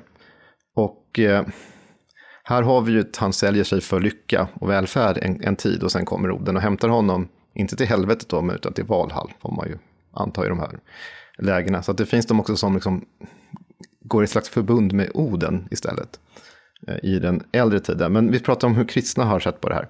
Och han används som ett annat namn då för djävulen, Oden. Och det finns en intressant sak. Det finns en Erik Clausson som år 1492, den 25 juni, vid Stockholms rådstuverätt ska ha bekänt att han vedersakat Gud och vedertagit djävulen Odin. Mhm. Det var ju intressant. Han, ja, han dömdes därefter till elden. Så han dödades. Eh, något tidigare uppgavs en tjuv, en viss Ragvald, med tillnamnet Odenkar, det vill säga den som tillhör Oden, att han tjänat Oden i sju år. Även han brändes på bål. Så det här är ju ganska intressant. Och här ska man ju inte, tänker jag, förväxla med att de här två personerna på 1400-talet ska vara svurna till den förkristna guden Oden, utan här har de använt Oden som synonym för djävulen då istället. Och så finns det en annan sak. Eh, vid tinget i Uppvidinge härad den 6 februari 1632 förklarade en gäldenär, en Jöns köpdräng, att hans borgenär Börje i Rosendal uppmanat honom med orden Du skall gå bort på en korsväg om en torsdagsafton och giva dig Oden eller fan i våld och sedan ropa tre rop så kommer han fram och giver dig penningar nog. Och sen har du ju en annan person från Småland som är som jag tror vi har nämnt i den här, eller så jag som rör ihop allting för att jag brukar prata om, om den här personen i samband med alla föreläsningar jag gör om, om årsgång. Men jag tror, när vi pratade om honom i spöksvinsavsnittet, Petter Rudebäck. Ja, just det. Han har precis. skrivit den här Småländska antikviteter och den är ju från slutet av 1600-talet, precis i gränsen till 1700. Och där i så heter det att, citat, att den som ville bliva rik bjöd offentligen Oden till gäst och manade honom till sig. Och så som den onde anden, den sig i Odens hamn förskapat, alltid är färdig till sådant som kan förleda människor från rätta salighetens väg, kom Oden alltid om torsdagsnätter farande och gästade hos sådana bönder som sedan av hans penningar uppfyllde kallades rika, och som han hade många att gästa, kunde han inte oftare komma till någon av sina värdar än var nionde torsdagsnatt. Och sen fortsätter han här. Men det är ju också återigen den här äh, Oden som får, äh, man använder ordet Oden istället för djävulen helt enkelt. Djävulen har ju så oerhört många namn också. Ja, det, det är ju fascinerande här också för att man måste, ju man måste ju se det från kyrkans sida också, kan man ju tänka lite grann att det är ju väldigt effektivt, för om du har den här ende guden och sen kommer du till en plats där det finns en befolkning som har många olika gudar, och man vill ju gärna att de ska förhålla sig till våran religion och våran tro, att här använda deras gudanamn för våran hemska, onda. Eh, det hjälper ju både eh, våra redan troende att eh, se negativt på den här eh, lokala tron, men även att det kan bli lättare för eh, kyrkan att få in nya eh, i sin församling naturligtvis. För att här beskriver man ju och egentligen likställer de här äldre gudatron emot eh, den verkligen onde djävulen som står för allt ont. Liksom. Och särskilt det här med bländverk, att djävulen utger sig för någonting som inte är sant. Mm. I, också den isländska litteraturen eh, det finns en kungasaga som nämns bland annat av Snorre Sturlason i hans Heimskringla. Nu minns jag inte ur huvudet här exakt vilken av dem det är. Eh, men det är också ett tillfälle i Norge när bönderna har då tillbett ett par träbiljetterna, alltså trä, statyer kan man säga då, av gudarna som de drar runt på vagnar. Och sen kommer det dit en, undrar ifall inte Olav den helige, Haraldsson alltså, som inser att det där är djävulens bländverk, tycker han då, för han är kristen. Och vid ett tillfälle slår han sönder en av dem och då bara väller ut ormar och paddor och annat som man i kristendomen brukar förknippa med djävulen. Och visar då bönderna att nej, det här som ni har trott var gudar är inget annat än, än de här stinkande djuren då som de tycker, tänker här.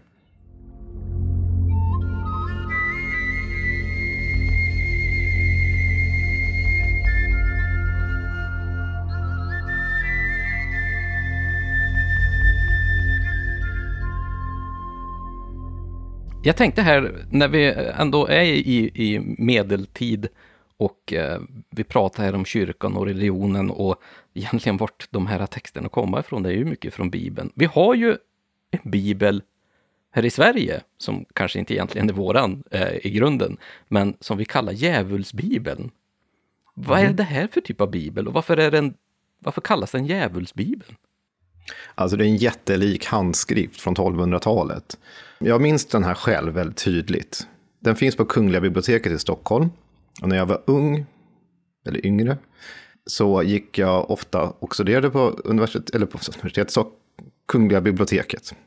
Och första gången jag var där, då kunde man gå igenom och in i ett rum där den här alltid låg uppslagen. Den är jättestor den här boken, alltså gigantisk. Och den sidan som alltid var uppslagen, det var på en, en jävel som håller båda händerna upp ovanför sig och så har det så här grodformad kropp och mm -hmm. ser ganska lustig ut i våra ögon, alltså på, mm. På tanke på vår tid, hur vi tänker. Och den här tar upp en hel sida, den är jättestor. Den har gett namn till den här boken som inte har någonting med djävulen i övrigt att göra i, till innehåll. Men det är en bild på djävulen. Den ska ju vara avskräckande då. Även om jag nästan tycker att den är lite gullig. För jag ångrar än idag att jag aldrig köpte slipsnål eller slipsar med den här djävulsbilden på. Jag köpte bara en sån här pin till min jacka. De hade det på Kungliga biblioteket, de kanske fortfarande har det, hade de som, som sålde dem i sin butik där. Men den här kom ju då från svenskarna under stormaktstiden var nere i Prag och härjade. Mm. Och då, då, fick man med sig den här eh, år 1648.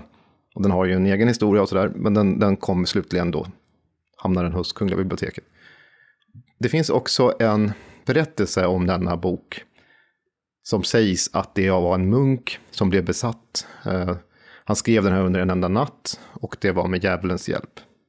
Så när man läser den så har den ju ingenting med det att göra, utan det är ju Nya Testamentet, alltså det är delar ur Nya Testamentet tror jag som ska vara där i. Men det är ju en väldigt spännande historia, det passar väl ihop med den här bilden av djävulen också. Man ska ju kanske egentligen eh, komma och åka till eh, Kungliga biblioteket och verkligen se den i verkligheten. Men jag tror faktiskt att den finns att ladda ner. Ja, för att det är ingen idé att åka dit och titta på den för att den är igenstängd numera. Boken. Ja, eh, den, är, den är helt digitaliserad, så att den ligger mm. sin, till sin helhet. Och särskilt den här bilden är ju väldigt lätt att få tag på via Kungliga bibliotekets hemsida.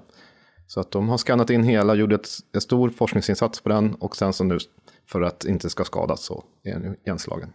Boken ligger förvisso där till beskådan, men inte Vi kan uppslagen. faktiskt eh, lägga en länk i det här litteraturdokumentet som vi alltid har till varje avsnitt. Så kan vi lägga en länk mm. direkt dit eh, till nedladdningssidan.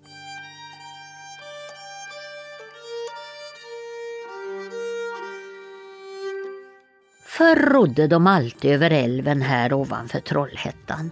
En gång när de kom över till andra sidan så kom där en fin herre som ville bli satt över älven. Han gick ner i båten och satte sig, men när de kom mitt på älven hörde den som rodde att det ropades från skogen på denna sidan. Ro inte hiten! Men färgkarlen kände att han måste fortsätta att ro. När de kom fram lade den främmande mannen en peng på toften som betalning och gick i land. Men då blev det ett sånt brak och dån i skogen så det var alldeles väldigt och pengen mannen lämnat i båten var alldeles het och då förstod ju han som rodde att det var skam själv som han hade haft i båten.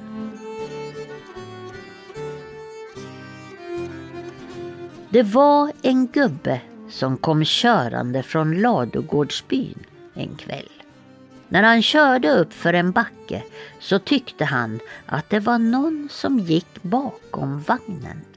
Och sedan satte den där personen sig upp på lasset och gubben tyckte att han kunde väl få sitta där. Men hästarna, de blev alldeles vilda de sprang det värsta de orkade och stannade inte förrän de var hemma på gården. Men när han som hade suttit på lasset försvann, då såg gubben att han hade haft en bockfot. Gubben, han blev konstig för hela livet och hästarna, de blev heller aldrig sådana som de hade varit förr.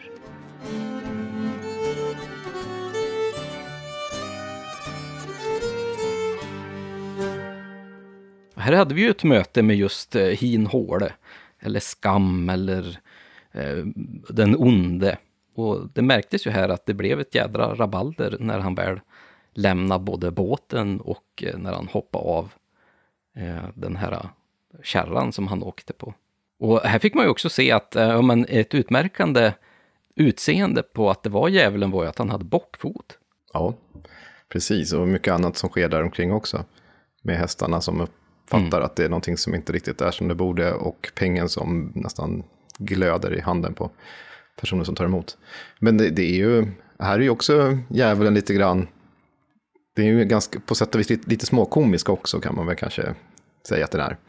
Eh, och jag tycker det är intressant i det här fallet för att det finns många sägner som handlar om exempelvis pesten, digerdöden, som ibland blir personifierad också ska, inte kan ta sig över vattendrag själv och ska få hjälp. Och som bara osökt kommer jag att tänka på en, eh, en dikt ur, ur eh, fornnordiska diktningen, ur Edda-diktningen, som eh, en gudadikt som heter Harbartskvädet på svenska. Som också handlar om hur Oden ska ta sig över, eller hur Ja. Oden och Tor står på varsin sida. Mm. Så att Oden, då tror jag förvisso att Oden är färjekaren. Men, ja. Och på tal om att vi har redan här pratat om Oden som likställs nästan med djävulen. Jag har i alla fall fått låna ut sitt namn till, till den här hemske.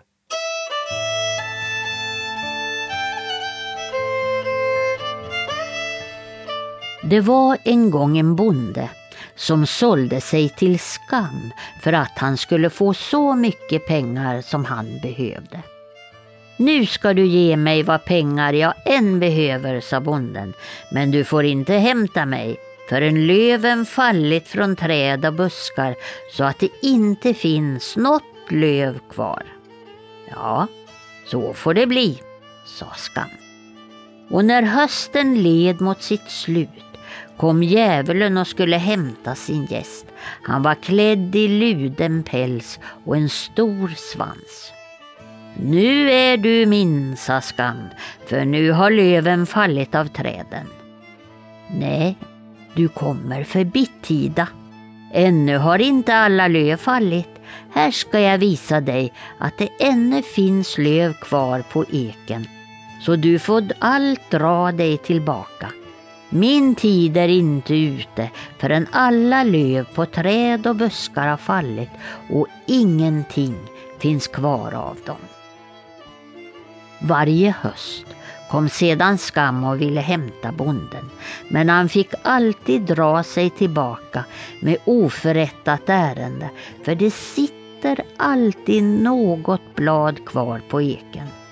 Och det sägs att bonden levde tills han blev gammal och då var han rik, som ett troll. Här hade vi ju en småländsk text som var ganska rolig faktiskt. Och här blev ju som vanligt djävulen lurad igen i de här lite nyare texterna. Och det är lite intressanta grejer här. På ett sätt känns det ju som att det är en liten förklaringsberättelse över att varför eken fortfarande har kvar sina löv, varför de inte faller riktigt under hela året, även om det blir vinter.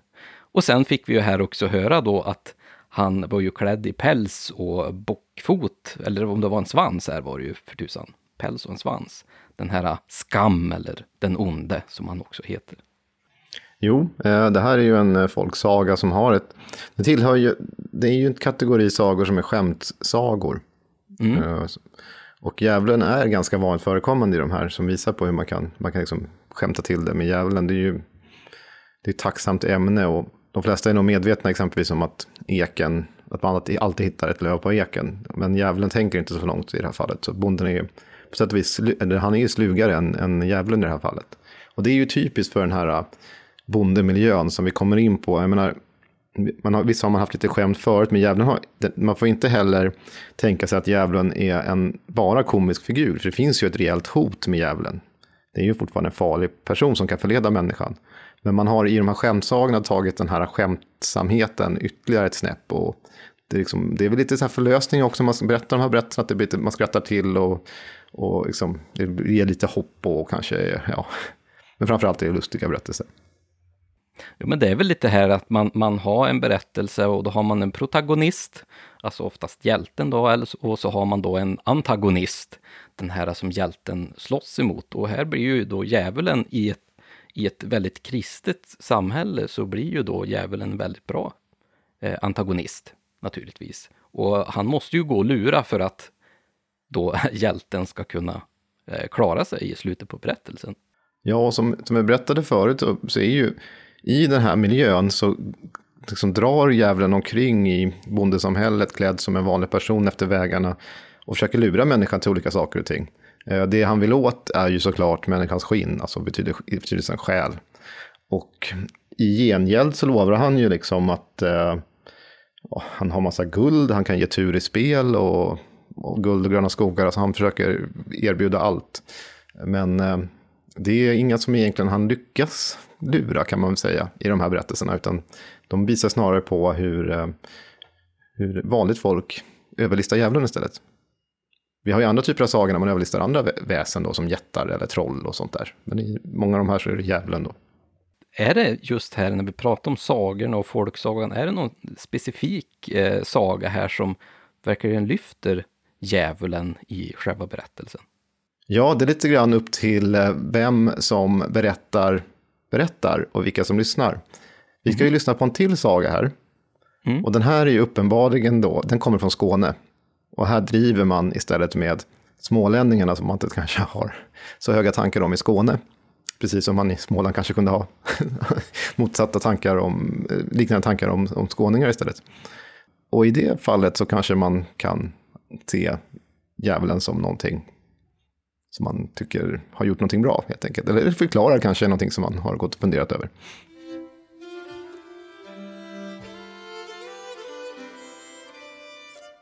På den tiden då vår Herre gick här nere på jorden med Sankte Per kom de en gång upp till Småland där de stora furuskogarna växer.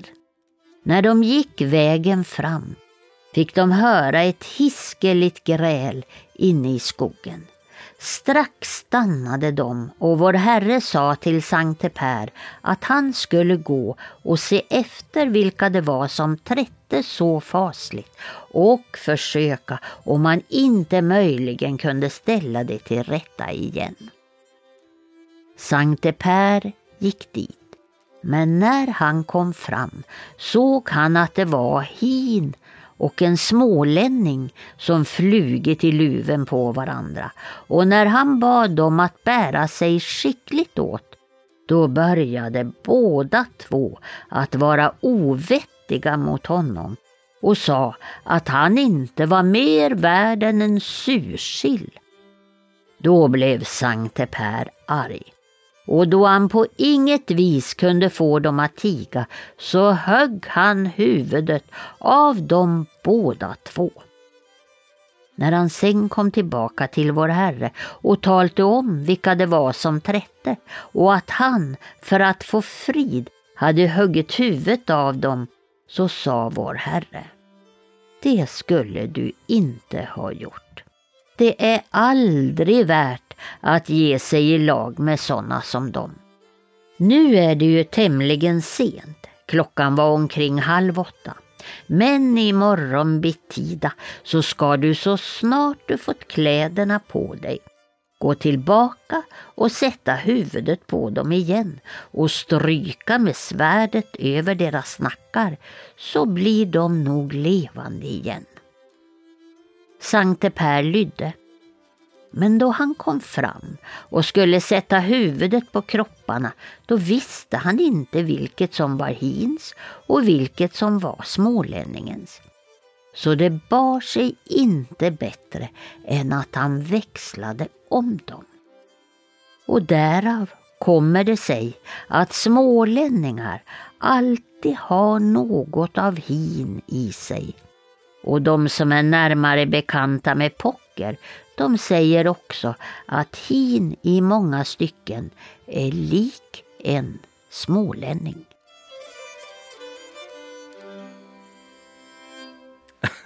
Alltså Tommy, jag, vet, jag får hoppas här att eh, alla smålänningar som lyssnar inte tar illa vid sig. Det här är en väldigt gammal text. Eh, eh, men den är ju väldigt rolig här, precis som du säger, att här, här likställer man liksom hin och håle med smålänningar och det är väl tydligt då att det är en, en skånsk text kanske.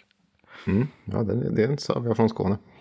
Ja, vi har ju faktiskt smugit oss in nu ganska eh, lite fint här i hur vi tänker oss djävulen i de trosföreställningar och folktroberättelser som vi har idag och när vi tänker om just djävulen i folktron. Och vi kanske direkt ska hoppa på en till text här som heter eh, Kitta Grå som stiftar ofrid. Och den här texten är ju då från Västergötland.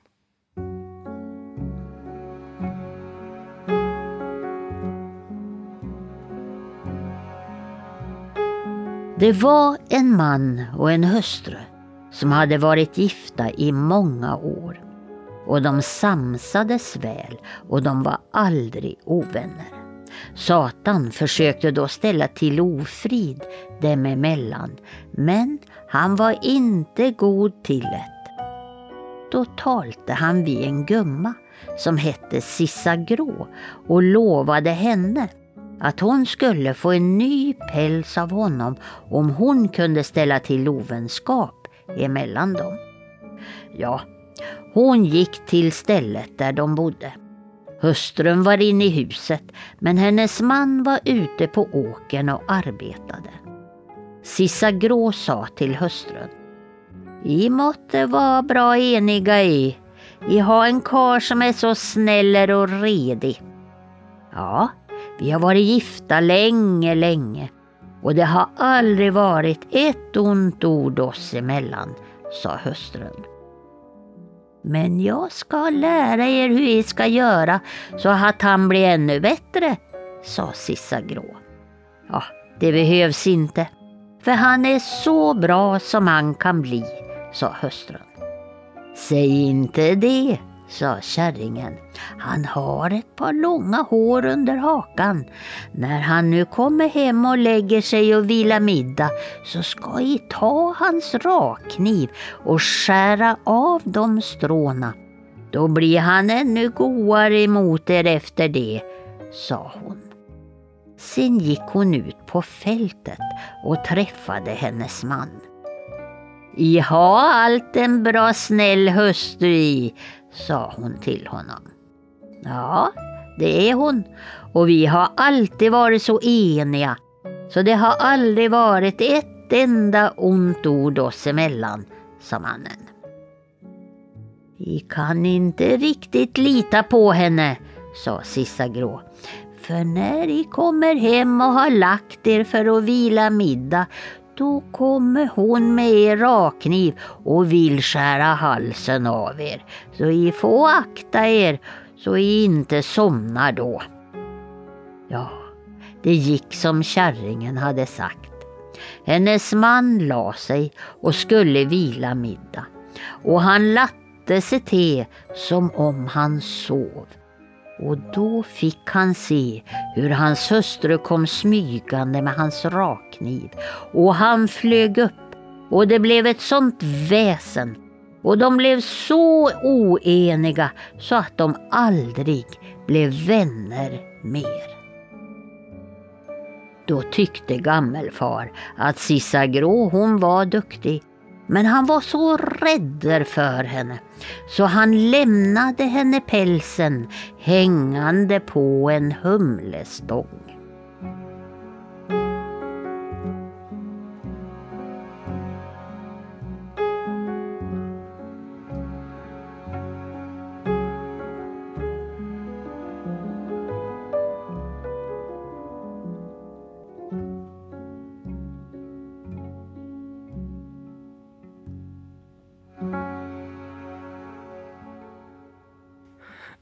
Alltså, den här tycker jag är så himla rolig Tommy, för att det, vi har ju pratat här om att man kan lura djävulen samtidigt som att djävulen är den farliga, men den här äh, Sissa Grå eller Kitta Grå, hon verkar ju vara ännu värre. Till och med djävulen var ju så rädd för hon för att hon kunde skapa osämja mellan det här paret, att han, han bara liksom lämnar pälsen där på den här humlestången. Jag vill inte komma i nära av den här äh, riktiga krutkärringen. Ja, precis. Det finns några sådana här äh, sägner eller sagor, inte bara i Sverige, även utanför, om kvinnor som anses vara så pass onda så att till och med eh, farliga och svåra att ha att göra med så att till och med självaste djävulen är rädda för dem. Och även när han ska hämta dem så blir det liksom någonting som är problematiskt. Eh, den här är faktiskt ganska gammal. Jaha. Nu läste vi eh, upp en version från Västergötland. Som är berättat av en man född 1853. Men det finns, den finns ännu äldre i tid och bland annat i, finns det på kyrkmålningar från 1500-talet i Uppland och Västmanland. Jaha. Och eh, en bild från Viksta kyrka i Uppland så kan man se en målning. Då kan man se hur djävulen står på ena sidan porten och så har han den här stången som går över porten med ett par skor som hänger på den andra sidan till en kvinna som står och tar emot dem. Och det är ju Kitta Grå då. Han törs inte riktigt gå nära utan han, han måste använda den här stången så att han får ha lite, lite Nej, rum precis. Och även, i, och även i Tyskland finns det, men då är det en päls igen. Så, att, så att det kan vara ett olika, oftast är pälsen mer en morgongåva, inte kanske Mm. fästmansgåva. Eh, och Sen finns det också texter till en del sådana här äh, kyrkmålningar. I en från Tensta kyrka, också i Uppland, från 1500-talet. Så säger djävulen när han överräcker skorna, nu ser man samma bild med den här stången och hon som står där och tar emot. Eh, då står det så här under. Du skall få löna som där tax är hina. Och kärringen svarar. Tack kära son för goda skor. Så att, står det i, under. Så att här är ju, kan man den här berättelsen vet man vad det handlar om. Så tänker jag, det finns även andra kvinnor som är så, på, så um, svåra att ha att göra med så att det liksom blir problematiskt. Ibland är de så jättesvåra att göra med när de lever. Och sen när de dör så kommer ju djävulen och hämtar dem, för det hör också till det här motivet att är man en svår person i livet och anses vara ja, ond helt enkelt, eller elak, så kommer ju djävulen och hämtar personen när den dör. Det är ganska självklart. Men det finns en annan som också är från Sörmland och också berättat också från Uppland och det är ju Pintorpa-frun som är en annan sån här riktigt känd person som det finns massa berättelser om. Det här blir också väldigt problematiskt när djävulen kommer och hämtar henne och massa saker. Han tar ju henne till slut men det, han tvingar henne att dansa liksom, ibland i blyskor och såna här saker som blöder och kammar hennes hår till som blöder och såna saker. Sen slits hon ner till helvetet och det är ibland sägs att en präst är där och tittar ner i hålet och då brinner det till hans öga så han blir blind i det ögat. Och, och sen kommer en efterberättelse om hennes hem hon bodde på och att där ska det alltid vara en massa spökerier och, och hemskheter. Men det är också en känd person som nästan kanske till och med är värt eh, ett kortare avsnitt någon gång. Och det här är ju också en text som, som beskriver lite grann kanske hur man, man ser på djävulen och hur man hanterar den här eh, onde i just folktron. Han är nästan som en liten trickster. Han, han är ute för att ställa till med jäkelskap bland, bland befolkningen, liksom, mer än att han är den här stora ondskan. Är det liksom så man ser på djävulen i det här sammanhanget när, man, när vi pratar om folktron? Så kan det vara. Alltså djävulen kan ha olika funktioner beroende på vad det är för typ av berättelser. Eh, Vi får ju, som jag sa förr, vi får inte glömma bort att det fortfarande är något som hotar människans själ. Det finns ju en skrämmande dimension där också. Men det är många sägner som ju ändå är folkdiktning. Alltså, eh, så, så kan man, man kan liksom urskilja kanske en ordningsupprätthållande eh, djävul som genom sina handlingar och sånt han gör ser till att ordningen upprätthålls, även om det inte är djävulens avsikt i de här berättelserna, men det, det är det som blir följden. Eh, Man kan också se den här, eh, en frihetsskapande djävul. Eh, och en frihetsskapande djävul kan vara att människan kan få utlopp för saker och ting. Och det här kommer ju svordomar och sådana saker in också. Man kan göra saker via de här som, liksom skapas genom dem. Och så kan du ha den här kulturbäraren, trickster-varianten också.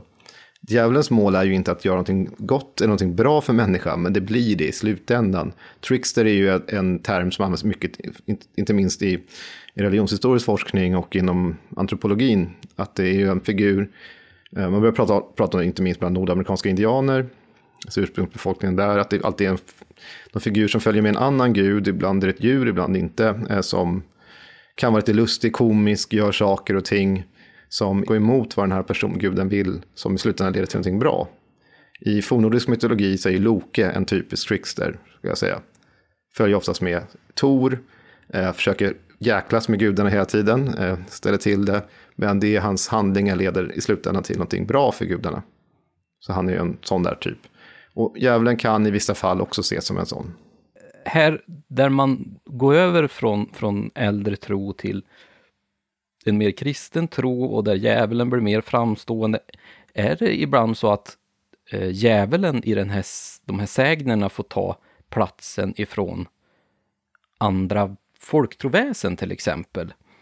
Kan det vara så att man får se en, en skiftning där också? Att det man förr hade när man pratade om de här sägnerna så var det då kanske troll eller att det var jättar eller liknande som var de här antagonisterna. Men att här blir mer djävulen som tar den här platsen i de här berättelserna. I en del sägner så är en del väsen utbytbara. Då kan ju djävulen göra saker som kanske andra väsen gör på annat håll. Det är det som är lite sådär glidande. Men oftast är det exempelvis, djävulen har en funktion som att hämta döda människors själar om de har betett sig illa. Det är ganska knutet typiskt för djävulen, som inget direkt annat väsen gör. Men om man pratar om saker som där de kan glida ihop, då kan man nästan gå tillbaka lite grann till vårt avsnitt som handlade om Horgasägnen. För här har vi en spelman som dyker upp och eh, ser till att den här vansinnesdansen äger rum. Det hotar ju människornas liv och själar då.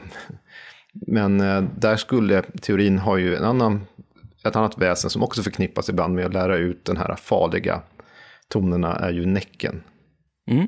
Och i vissa fall kan det också, och det här är ju också en, en fråga om perspektiv, om skogsrået kan ju också exempelvis förföra en människa på ett sätt, och det pratar vi också om i avsnittet om skogsrået, som kan tolkas som att det är ett skogsrå av säg, en, en vanlig person och sen kommer någon från kyrkan och säger nej, nej, nej, det där är inte ett skogsrå, det där är djävulen fast har tagit den här gestalten just nu.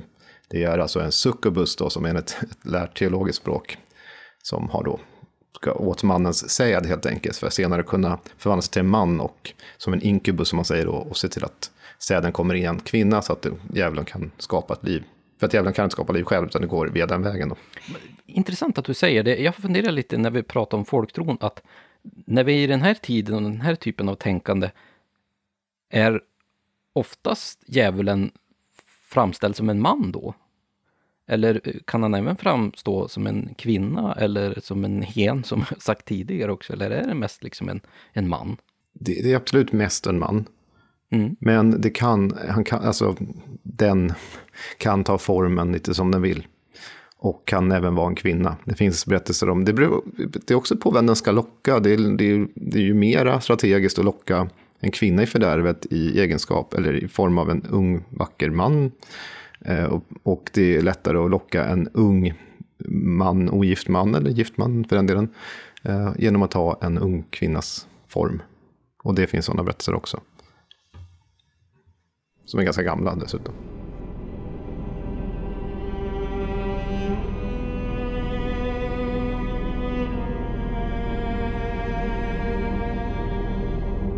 Det var en supergubbe från Erikslund som hade dött.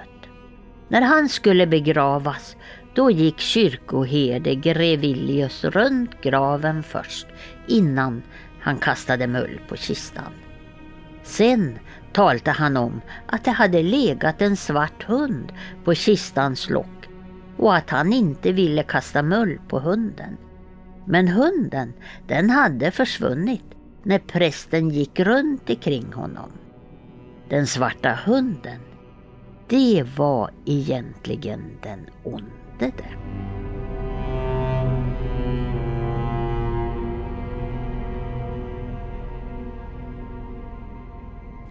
Det här var ju en text ifrån Karl Martin Bergstrands eh, Västgötasägner. Och här när vi ändå är inne och pratar om just utseendet på djävulen, så här framställdes han ju som en hund. Och om jag har förstått det rätt så kan han ju faktiskt ta olika djurskepnader också. Hur, hur såg egentligen djävulen ut i den här folktrovärlden? Djävulen har... Från början man säger så här, nu ska vi gå tillbaka till långt innan den här tiden vi pratar om just nu, 1800-talet. Men hur djävulen har fått sitt utseende har ju liksom skiftat, för det är många trådar som tillsammans blir den väven som blir djävulen då, så att säga. Dels har vi ju texter i Bibeln, alltså den här odjuret. Det är inte så, eh, ja, kanske jättedetaljerat alltid och det kan ju variera. Eh, men han har också från form av orientaliska drakar i vissa håll, från grekiska guden Pan. Och Pan är ju en form av satyr i den grekiska mytologin kan man säga. De, de såg ut sådär, alltså lite, det kan man se på avbildningar också på vaser och andra reliefer och sånt där. Att där ser vi de här hornen och bockskägget och sånt som blir en del av djävulens attribut. Han hade oftast horn, klor och svans, bockfötter, morrhår, lång ragg. Ibland kunde han även framställas med drakvingar, alltså fladdermusvingar i vissa fall. Eh, och fruktansvärda taggar. Det här kan man också se på redan på kyrkmålningar då, även inne i Sverige, hur han avbildas. Hans färg kunde vara röd, som var en hänsyftning till eh, att han var lysten efter blod och mord. Och att han hade plats i helvetet, tänkte man så i teologiskt håll. Den kunde också vara svart, och det är motsatsen till ljuset. Så då kommer ju den bilden in.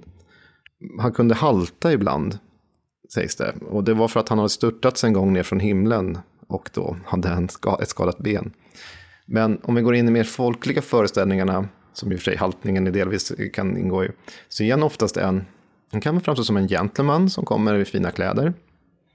Eh, det här stora hornen och sånt där, det, det försöker han ju alltid dölja i, när, han, när han rör sig bland människor. Så ofta ser det som det poängteras i de här att någon ser en liten detalj som avgör att man ser att det är djävulen. Uh, så att de här stora hornen istället blir som små horn som man försöker dölja med en hatt eller någonting. Uh, bockfötterna kan skymta till. Det kan vara svans i vissa fall. Men om man ska hårdra sig så försöker djävulen förskapa sig så lik en människa han kan. Eller den kan. Och sen har du också förmågan att vara osynlig som många väsen. Eh, och sen har du förmågan att ta en djurform. Som en hund är ganska vanligt. Vi ska ju göra ett avsnitt om hundar som handlar om det här. Och då kommer vi också komma in på djävulshunden så att säga. Som en specifik, den är ganska fram, markant där. Eh, det kan också vara som en gris, ett svin som vi pratade om i grisavsnittet här.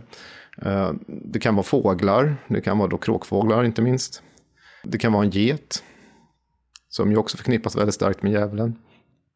Eller en orm, eller ja, det finns inga gränser egentligen för nästan vad djävulen kan förskapa sig till. Kan det vara så att man har ungefär samma tanke som när vi har pratat om till exempel om skogsrået som, som kanske har en svans eller något liknande som, som är en indikation på att det här inte är en människa utan det är någonting helt annat. Mm. Att det är ungefär samma tankesätt här kring djävulen i de här trosföreställningarna, att han har något djur, eh, någon djurlem eller något djurliknande eh, i utseendet som han försöker dölja, för att han är inte riktigt en människa, utan han, det här är här för att markera att han är något annat än människan. Jo, men så är det ju.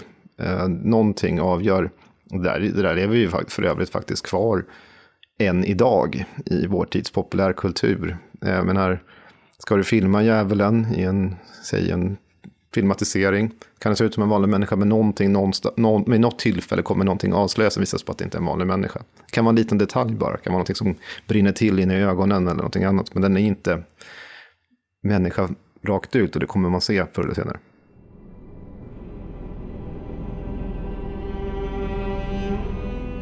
Prosten Brandell i Nora. Han var en stor andens man och han hade emellanåt nappatag med den onde. En gång skulle prosten på sjukbesök och då kom Snö, alltså den onde, och spände tag i hjulet på åkdonet och skulle hålla fast det. Då sa Brandell, ja, sitt där och och då fick han sitta där och följa med hjulet runt, runt, runt.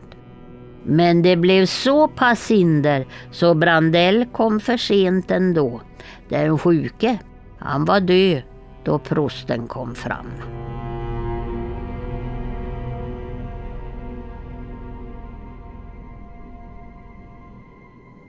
Den här texten är ju från Ångermanland, från mina trakter och faktiskt inte längre ifrån än ett par mil i Grundsunda socken. Och där har vi ju en text som då är nedskriven av den berömda Ella Odstedt eh, ifrån boken Norrländsk folktradition. Här fick vi ju lära oss om den här prosten som hade nappatag med djävulen. Han, han liksom eh, bråkade och höll på och försökte att få ordning med den här djävulen. Och här fick han ju då sitta, han fastnade ju här i hjulet. Eh, men det gjorde ju att han blev sen till den här sjuke som till slut dog. Vi pratade förut om att det finns andra väsen som ibland kan ta den här rollen. I vissa fall så kan det vara, beroende på vart i Sverige det här har berättat, så kan det vara gast eller någonting annat som sitter på samma sätt, fast i hjulaxeln som fastnar där. Och fick förkollar den liksom när det rullar. På många håll däremot så är det ju djävulen. Eh, I Halland, Västergötland, Bohuslän, Dalsland, Värmland, eller Småland och i viss mån också i sydliga landskapen så kunde det vara djävulen. Och då får han den här rollen att hålla i hjulaxeln i det här läget, i den här, just den här berättelsen så faktiskt orsakar ju djävulen ändå att det går riktigt illa för person. Mm. Här har vi också ett lite roligt Noa-ord kanske man ska säga. Och då kom en snö. Alltså ett annat ord för, för djävulen. Och vi har fått höra tidigare här också om gammelfar och den onde och hin och hin hårde, som jag har nämnt några gånger. Alltså den här djävulen har ju väldigt många namn. Luseper mm. finns ju någon sån där också, och Svarte Petter. Och, varför har just djävulen så många olika namn? Saken, man vill inte, man vill inte ta djävulen i sin mun. Man vill inte säga Satan eller inte ens en gång djävulen eller Lucifer. Många namn däremot påminner om Lucifer som Lucifer och, och, och liknande. Till och med i vissa trakter så har Lussi eller Lusse har också förknippats som vi tänker på Lucia, men det finns också i Norrland inte minst förknippas ju också med djävulen på grund av namnlikheten med Lucifer. Lucifer är å andra sidan ett, ett väldigt fint ord, ska jag säga, ett fint namn. Men, ja, men i, i folkliga föreställningsvärlden så använder man inte i regel de, de här äh, orden som kunde frammana djävulen. Så det, är, det är en form av omskrivningar, men inte förskönande. Alltså, om man pratar om Noa-ord exempelvis, som man kan använda om vargen och björnen, så, så, byter man gärna ut dem mot någonting insmickrande. För att liksom inte förarga varken vargen eller björnen. I det här läget är det inte så, det är en leder, den stygge, den fule eller någon som hornpär eller någonting annat. Alltså man, man vill prata om djävulen, men man visar också lite grann sitt förakt mot den här gestalten. Jag tyckte det är väldigt kul när man sitter och läser listor till exempel på vilka olika namn just djävulen har. Och det är så kul för man får se en väldigt stor fantasi. Hur man har kommit fram ja. till de här olika orden. Och, och, man förstår verkligen att de har fått fäste också. Och att det antagligen finns ju då väldigt många lokala varianter beroende på vart i landet man befinner sig till exempel. Det, det finns det. Jag hade för några år sedan så hade jag en kollega på min mm. arbetsplats då. Eh, Institutet för språk och folkminnen. Vi hade en gemensam föreläsning om djävulen i svenska dialekter och folktro. Och hon, min kollega, är då dialektolog. Så hon kunde gå igenom och titta just på spridning och alltså olika namn runt om i, i landet. Och medan jag pratade då, då lite grann om det som vi pratade om i det här avsnittet. Så att visst, det är tillräckligt spännande. Och mig veterligen, det finns det säkert någon bra undersökning på det, men just om dialektord på Gävle, jag vet inte om någon någonsin har gjort en sån riktig genomgång. Man har tagit många sådana här stickprov här och där. Men uh, inget större. Det finns lite skrivet om svordomar och sådär har kommit in. Och väldigt mycket, inte minst här i Sverige, så är det knutet till kraftord också. Eh, till just djävulen och helvetet. Vi svär ju gärna och tar eder ibland på sådana här, eh, med sådana här, här ord. Väldigt intressant, jag läste faktiskt för tidigare idag en eh, artikel som heter Djävulen i svenska språket. Som av en Hjalmar Lindroth som var väldigt intressant också. Hur just djävul har, hur, hur liksom smugit sig in och hur man har använt det genom tiderna. Nu var han lite för, kanske, för, lite för rädd för att ta för många roliga eh, vulgära exempel. För det är egentligen det som man vill ha, mycket mer exempel på. Men ja, nej, men det finns, det finns många studier på det också. Att vi, mm. man, tar, man säger saker som Jävlar anamma är någonting som vi fortfarande använder idag. Det är ju attan sju tunnor tusande jävlar från 1784. 7000 taljade jävlar, eh, också från den tiden. Det går ett havre av sju sjungande smäckröda småjävlar, som man 1848 finns det en, en uppdiktning på sådana saker. Så det, man har ju verkligen tagit i när man använder djävulen här. Men de är ju väldigt fantasifulla tycker jag. Ja, man har också haft en tid där man har bytt ut djävulen för man, har inte, man vill inte ta de här i sin mun utan då säger man kanske saker som påminner som att då blir det järnvägar eller andra ord som man hör på ljudligheten vad man vill egentligen säga fast man får egentligen inte göra det på grund av pietistiska sammanhang. Ja, men det minns jag faktiskt i skolan, att man, man, man kunde ju oftast de här eh, liksom eh, satan och jävlar och de här ramserna som man drog när det skulle vara något jäkelskap. Men att även där kunde man försköna dem ytterligare till något som lät, lät ungefär som själva svordomsramsan, fast det var helt andra grejer. Så att det, det är lite roligt det där att man kan bygga vidare på de här svordomarna som är kopplade till just djävulen. Men det finns alltså en del saker som man skriver om som är lite spännande. Uh, ja, det går ju ganska långt tillbaka i tid. Men jag tittade på någonting här som mina ögon fastnade vid. Uh, ord som djävulsunge, eller jä, djävlunge eller djävulsavföda. Man har, har liksom en bakgrund, en spridda föreställning att djävulen kunde avla barn med jordiska kvinnor. Mm. Vilket är lite märkligt för att mm. då måste han ju i så fall eh, först vara en succubus och sen en inkubus. Men djävulsledamot, djävulslem, djävulsman. Alltså det är ju mycket som går in på sådana här förbundstankar också med djävulen. Sen finns det även växter som har namn efter djävulen. Den starkt brännande nässlan har kallats för djävulsblad exempelvis. Forbia med sin skarpa mjölksaft kallas, kallas för djävulsmjölk. En vederstygglig rocka fick heta djävulsrocka och det har vi fortfarande idag. En mycket hård diamant, djävulsten. Så att det finns mycket ord som har bildats på djävul. Och eh, som eh, förälder så kan man ju ha en ungjävel också. Men det kanske säger mer om ja. dig som förälder om, än om ditt barn, tror jag. I alla fall i det här eh, ta tankesättet. Sen tänker jag på en sak, alltså, nu kommer vi kanske lite utanför ämnet här på sätt och vis, men det är ju intressant för att svordomar, i äldre forskning var, var det någonting som man kanske förbisåg ganska mycket och även vulgära mm. ord och sånt där. Men är det inte så, eller kanske jag säger mer om mig själv just i det här läget, om man lär sig ett nytt språk och träffar människor därifrån, så bland det första man brukar lära sig, förutom att vad man heter och sådär, det är ju faktiskt svordomarna. Ja, men det är ju de här kraftorden som är så klatschiga. Ja, och så svär vi om olika saker i olika delar av världen också. Mm, mm.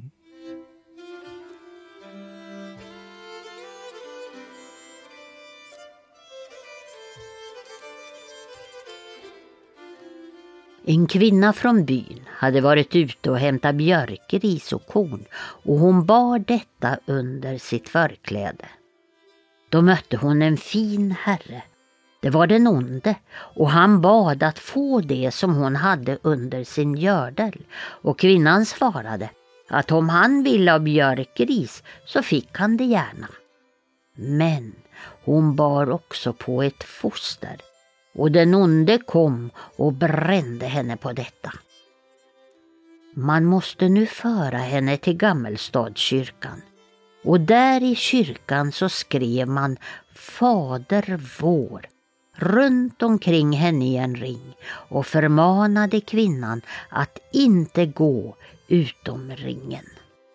Djävulen han stod där utanför ringen och han förvandlade sig till ljusa och mörka andar omväxlande och försökte locka henne utanför det skrivna.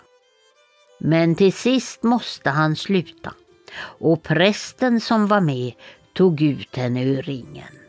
Och då, då var hon alldeles mörbultad.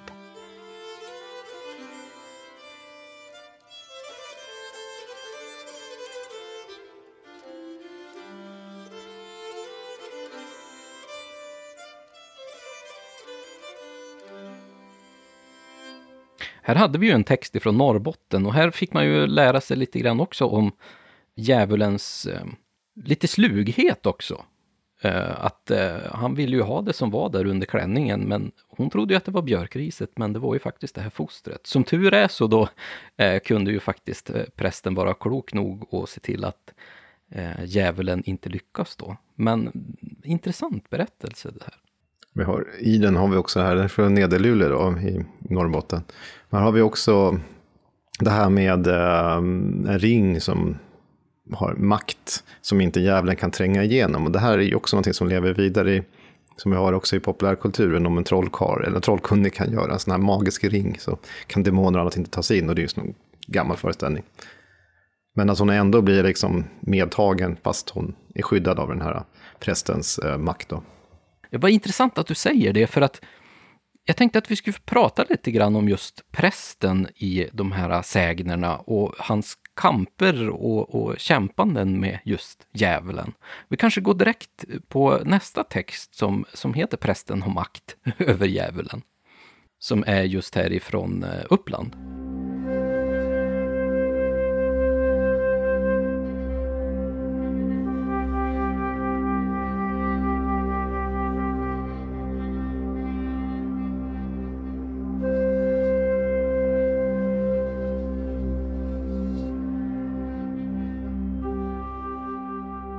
I Veckholm, där hade de en tid en präst som var så stark i tron så han kunde läsa ut den onde och läsa levande människor ner i jorden.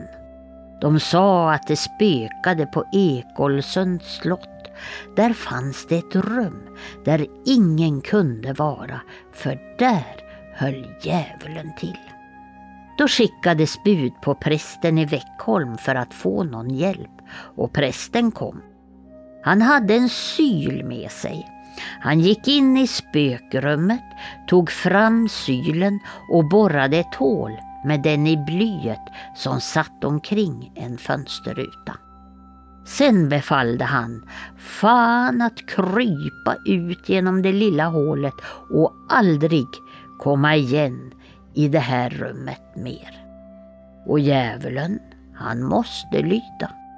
Och alla hörde hur han jämrade och kved när han skulle krypa genom det lilla hålet.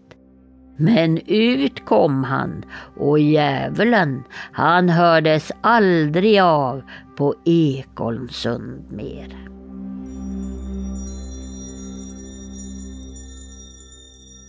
Här har vi ju en, en, eh, ett berättarsätt där man ska få ut det här onda ur ett litet hål. Till exempel när vi har pratat lite flygande om maran så ska den ut genom nyckelhålet till exempel. Och vad är det som är speciellt här? Här har vi ju den här väldigt starka prästen också som verkligen kan till och med läsa ner levande ner i jorden. Det är ju rätt intressant anekdot där. Ja, den här prästen, det här är ju också från, från Bälinge här då i Uppland. Det, ju, det finns ibland vissa namngivna präster mm. eller trollkarlar, i vissa fall kloka, som har, det finns liksom ett sägenkomplex kring som anses vara väldigt här, kraftfulla. Och det här har en sån präst då. Här ska man ju visa på att han har makt över djävulen och det är liksom, i, man borrar bort i bly i fönstret. Alltså det, är, det, det är ganska vanligt sätt att få ut just djävulen eller liksom oknytt eller eh, skrömta ur, ur hemmet. Men det, det, är ett, det är egentligen bara ett sätt att visa på att prästens makt är starkare än djävulens i det här fallet. För att prästen har ju då Gud på sin sida så att säga och djävulen är underordnad. Så det får man ju in den, den biten i, i sägentraditionen här också. Är det ett vanligt tema, det här med att prästen får kämpa med djävulen? Ja, absolut. Eh, det är ju det, är det främsta vapnet människan egentligen har mot djävulen och hans anhang, eh, som ju då anses vara väsen av alla dess slag. Det är ju då kyrkan och eh, det är ju prästen som är representanten, eller den som har liksom, i sitt ämbete makt över, över liksom, den lede.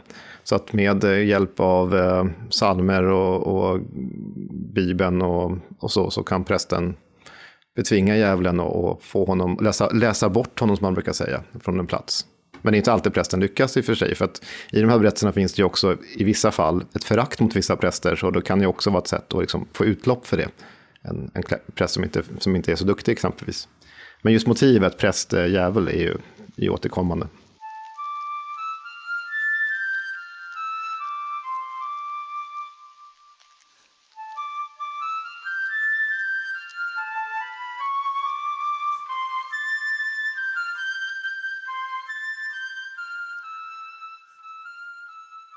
Ja, och prästerna tillhör ju här kyrkan. Och vi kan ju nästan inte prata om kyrkan och djävulen och allt detta onda utan att nämna just häxor och de här trolldomsprocesserna som pågick under 1600-talet. För att där pratar man ju väldigt mycket om att de här påstådda häxorna då hade väldigt mycket umgänge med djävulen och kanske fram, framför allt här ute på Blåkulla som de då flög till på kvastar och allt vad det var.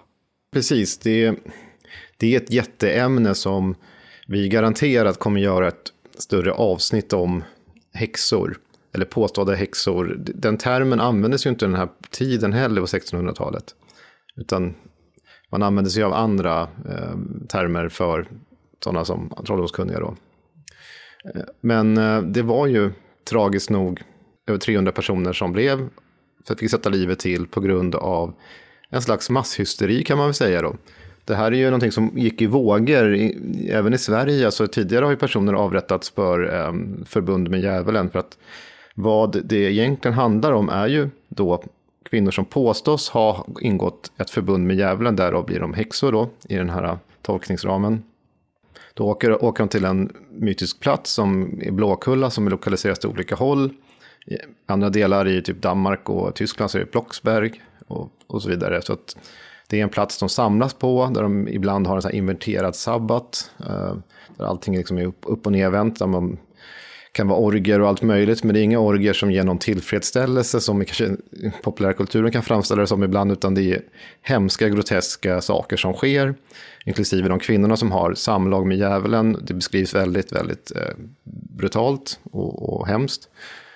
Men de, då, på de här platserna, och det finns jättemycket, eller det finns ganska mycket material bevarat från de här domstolsprotokollen. Men det, det, vad det handlar om, det är ju ett sätt för överheten och präster här som vill då jaga någon slags djävulstro som de tänker sig. Som finns i, i, runt om i landet. Och där kunde ju hota alla samhällslager. Men slog väldigt hårt, inte minst då i Dalarna och Ångermanland det är klart, djävulen i det där sammanhanget är ju väldigt bra att använda som, som syndabock, om man ska använda ett lite enkelt ord. För att det eh, är ju något som står varenda person väldigt nära, just för att han är så förknippad med det här onda. Eh, det är ju den här stora motsatsen till Gud och den här fina tron som du har. Och att då till exempel din, din eh, granne eller till och med ditt, din dotter är kopplad till djävulen, det är ju en väldigt, väldigt stor grej som, som troligtvis fick en, en stor innebörd också. Vilket gjorde att den här hysterin kom igång på ett sätt. Ja, liknande utbrott har man ju, var ju också i, runt om i Europa och även i, i Salem då i Amerika. där liksom, det drog som, liksom en, det är som just som en hysteri genom ett område. Ibland kom det med vissa personer som kom med de här ryktena eller så var det personer som drev på det.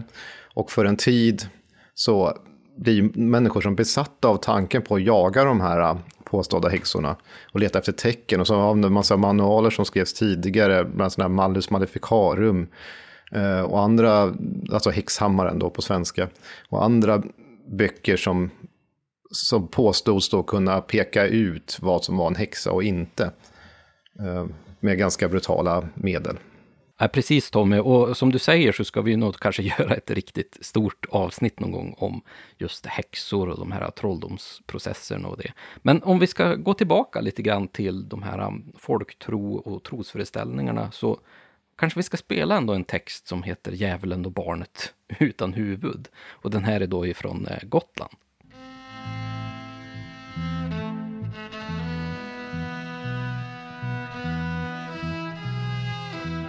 En hustru vid Stockvike i Öja låg på natten med sitt lilla odöpta barn i sängen. Och elden var släckt på spisen. Bäst som det var så vaknade hon och barnet var borta. Hon började strax att skrika och allt folk for upp ur sängarna och letade, men förgäves. Slutligen hittade man dock barnet, men liggandes på golvet nere vid dörren. Så långt hade den håle redan släpat barnet. Nu hade man då funnit barnet, men barnet hade inget huvud. Först när man väl fått upp elden i spisen var barnet åter som det skulle vara, helt och välskapat.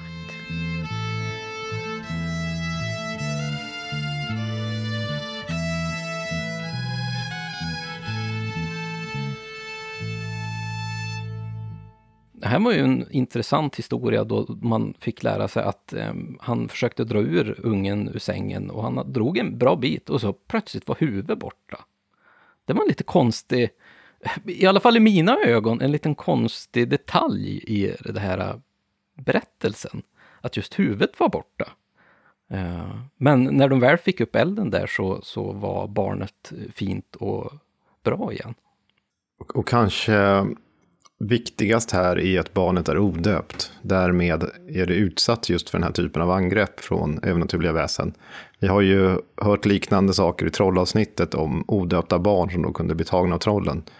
Här är det djävulen som gör samma sak och han eh, drar det här barnet ut men får inte makt över barnet fullt ut. Men då vill man kanske markera här med att huvudet inte syns och hur nära det var att djävulen faktiskt skulle lyckas med, sitt, ja, med sin, sin stöld här.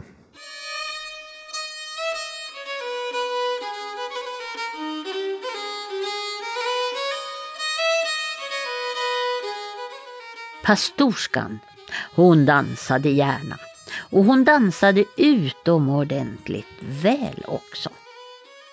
Vid en större danstillställning i Bomarsund inträdde plötsligt i danslokalen en främmande herre. Han tog reda på vilken av damerna som dansade allra bäst och då man upplyst honom om att det var pastorskan, då bjöd han genast upp henne till en vals. Paret ådrog sig en allmän uppmärksamhet genom den yrande och häftiga dansen. Då de andra slutat dansa fortsatte den främmande mannen fortfarande att dansa med pastorskan. Man bad därför spelmännen att sluta med musiken. Men o oh, ve, detta kunde de inte, utan de fortsatte att spela mot sin vilja. Då förstod man ju att det inte stod rätt till med den främmande herrn. Därför tog någon en kniv och skar av fiolsträngarna. Men musiken fortfor att ljuda och paret dansade, om möjligt ännu ivrigare. Nu fanns det ingen som tvivlade på att det var Hin Håle själv i egen person som hedrade festen med sin närvaro. Försök gjordes nu att läsa ut djävulen, men det lyckades inte. Pastorskan syntes vara nära att förlora sansen av både överansträngning och fasa. Men den onde fortsatte. Då kom någon att erinra sig att kyrkoherden i Hammarland, han ägde en speciell förmåga att fördriva djävulen och hans anhang, varför ett bud genast skickades den långa vägen till Hammarlands prästgård. Hela natten hann nästan förflyta innan kyrkoherden kom till Bomarsund och under hela tiden hade Hinonde dansat med prästfrun som nu naturligtvis var mer död än levande. Genast då Hammarlandspastorn stigit in i salen gick han fram till fönstret och stack med en nål ett hål i fönsterblyet och genom en kort och kraftig bön fick han djävulen att försvinna ut genom det lilla, lilla hålet. Pastorskan, hon hämtade sig så småningom och hon lovade inför både Gud och människorna att aldrig dansa mera. Alla de andra som hade varit med och varit åsyna vittnen till den hemska tilldragelsen, de följde naturligtvis pastorskans exempel.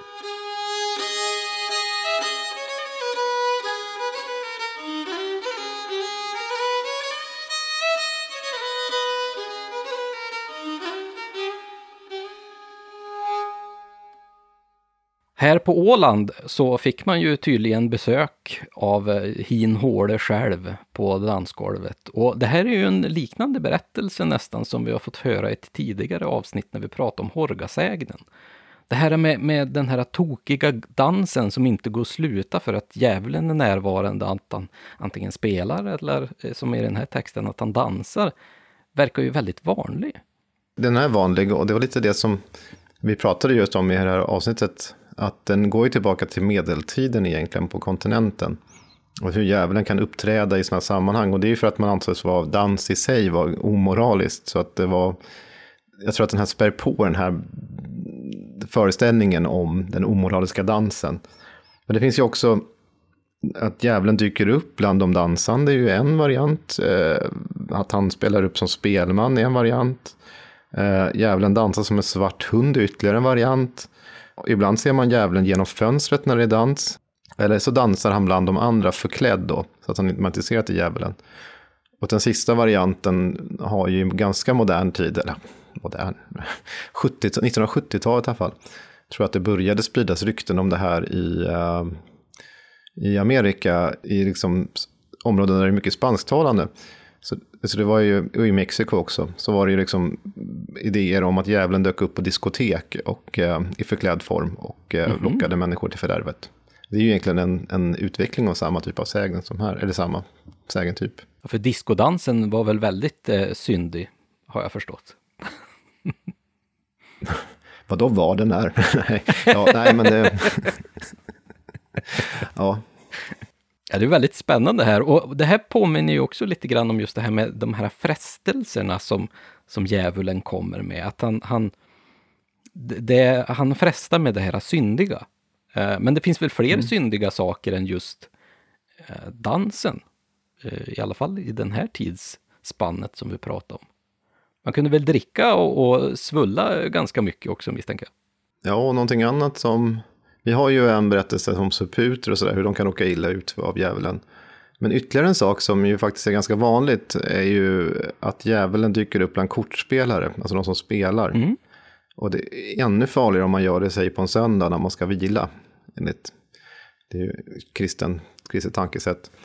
Så att djävulen förknippas ju just med de här syndiga, eh, eh, ett syndigt levande helt enkelt. Och de som sysslar med sånt, de kommer i slutändan hämtas av djävulen. Och han, han gör ju allt i sin makt för att få människor att fortsätta med detta. Fortsätta synda. Det är ju det som, redan i Nya Testamentet, i Bibeln, så finns det ju en scen där Jesus sitter i öknen och frestas av djävulen. Så det går ju liksom tillbaka på de här sakerna, att djävulen frestar och försöker få människan, som ju har fri vilja enligt kristen tro här, eh, att göra saker som, som liksom bryter liksom mot eh, vad hon förväntas göra för att hamna i himlen senare. Så att djävulen vill ju ta de här personerna åt sig och det är ju en del av den här, eh, ja, i teologiskt perspektiv, det är väl det av hela den här planen som Gud har. Vi ska kunna välja.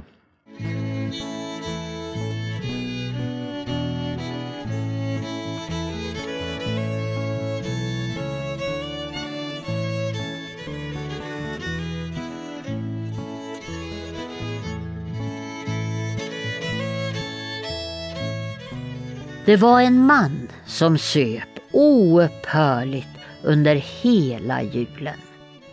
På trettondags afton kom han också berusad hem. Hustrun höll just på att ösa upp gröt ur grytan. Mannen sparkade helt brutalt till grötfatet så att den kokheta gröten kom att rinna över hustruns händer. Hon grät av smärta men hon förebrådde inte mannen för vad han hade gjort. Det grep mannen. På natten kunde han inte sova för han såg en stor svart hund med glödg ögonen och lågande mun stå med tassarna lagda på sängkanten och stirra på honom. Han väckte sin hustru och frågade om hon såg något. Men det gjorde hon inte, sa hon. Efter detta vågade inte mannen under hela vintern släcka lampan och lägga sig i sängen. Och han blev efter den tiden både nykter och skötsam.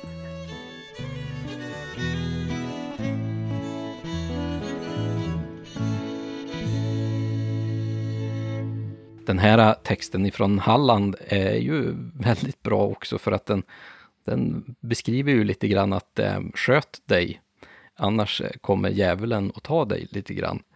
Eh, och det, det, det här moralberättandet just i de här eh, texterna. Den här är ju väldigt, väldigt tydlig på den punkten.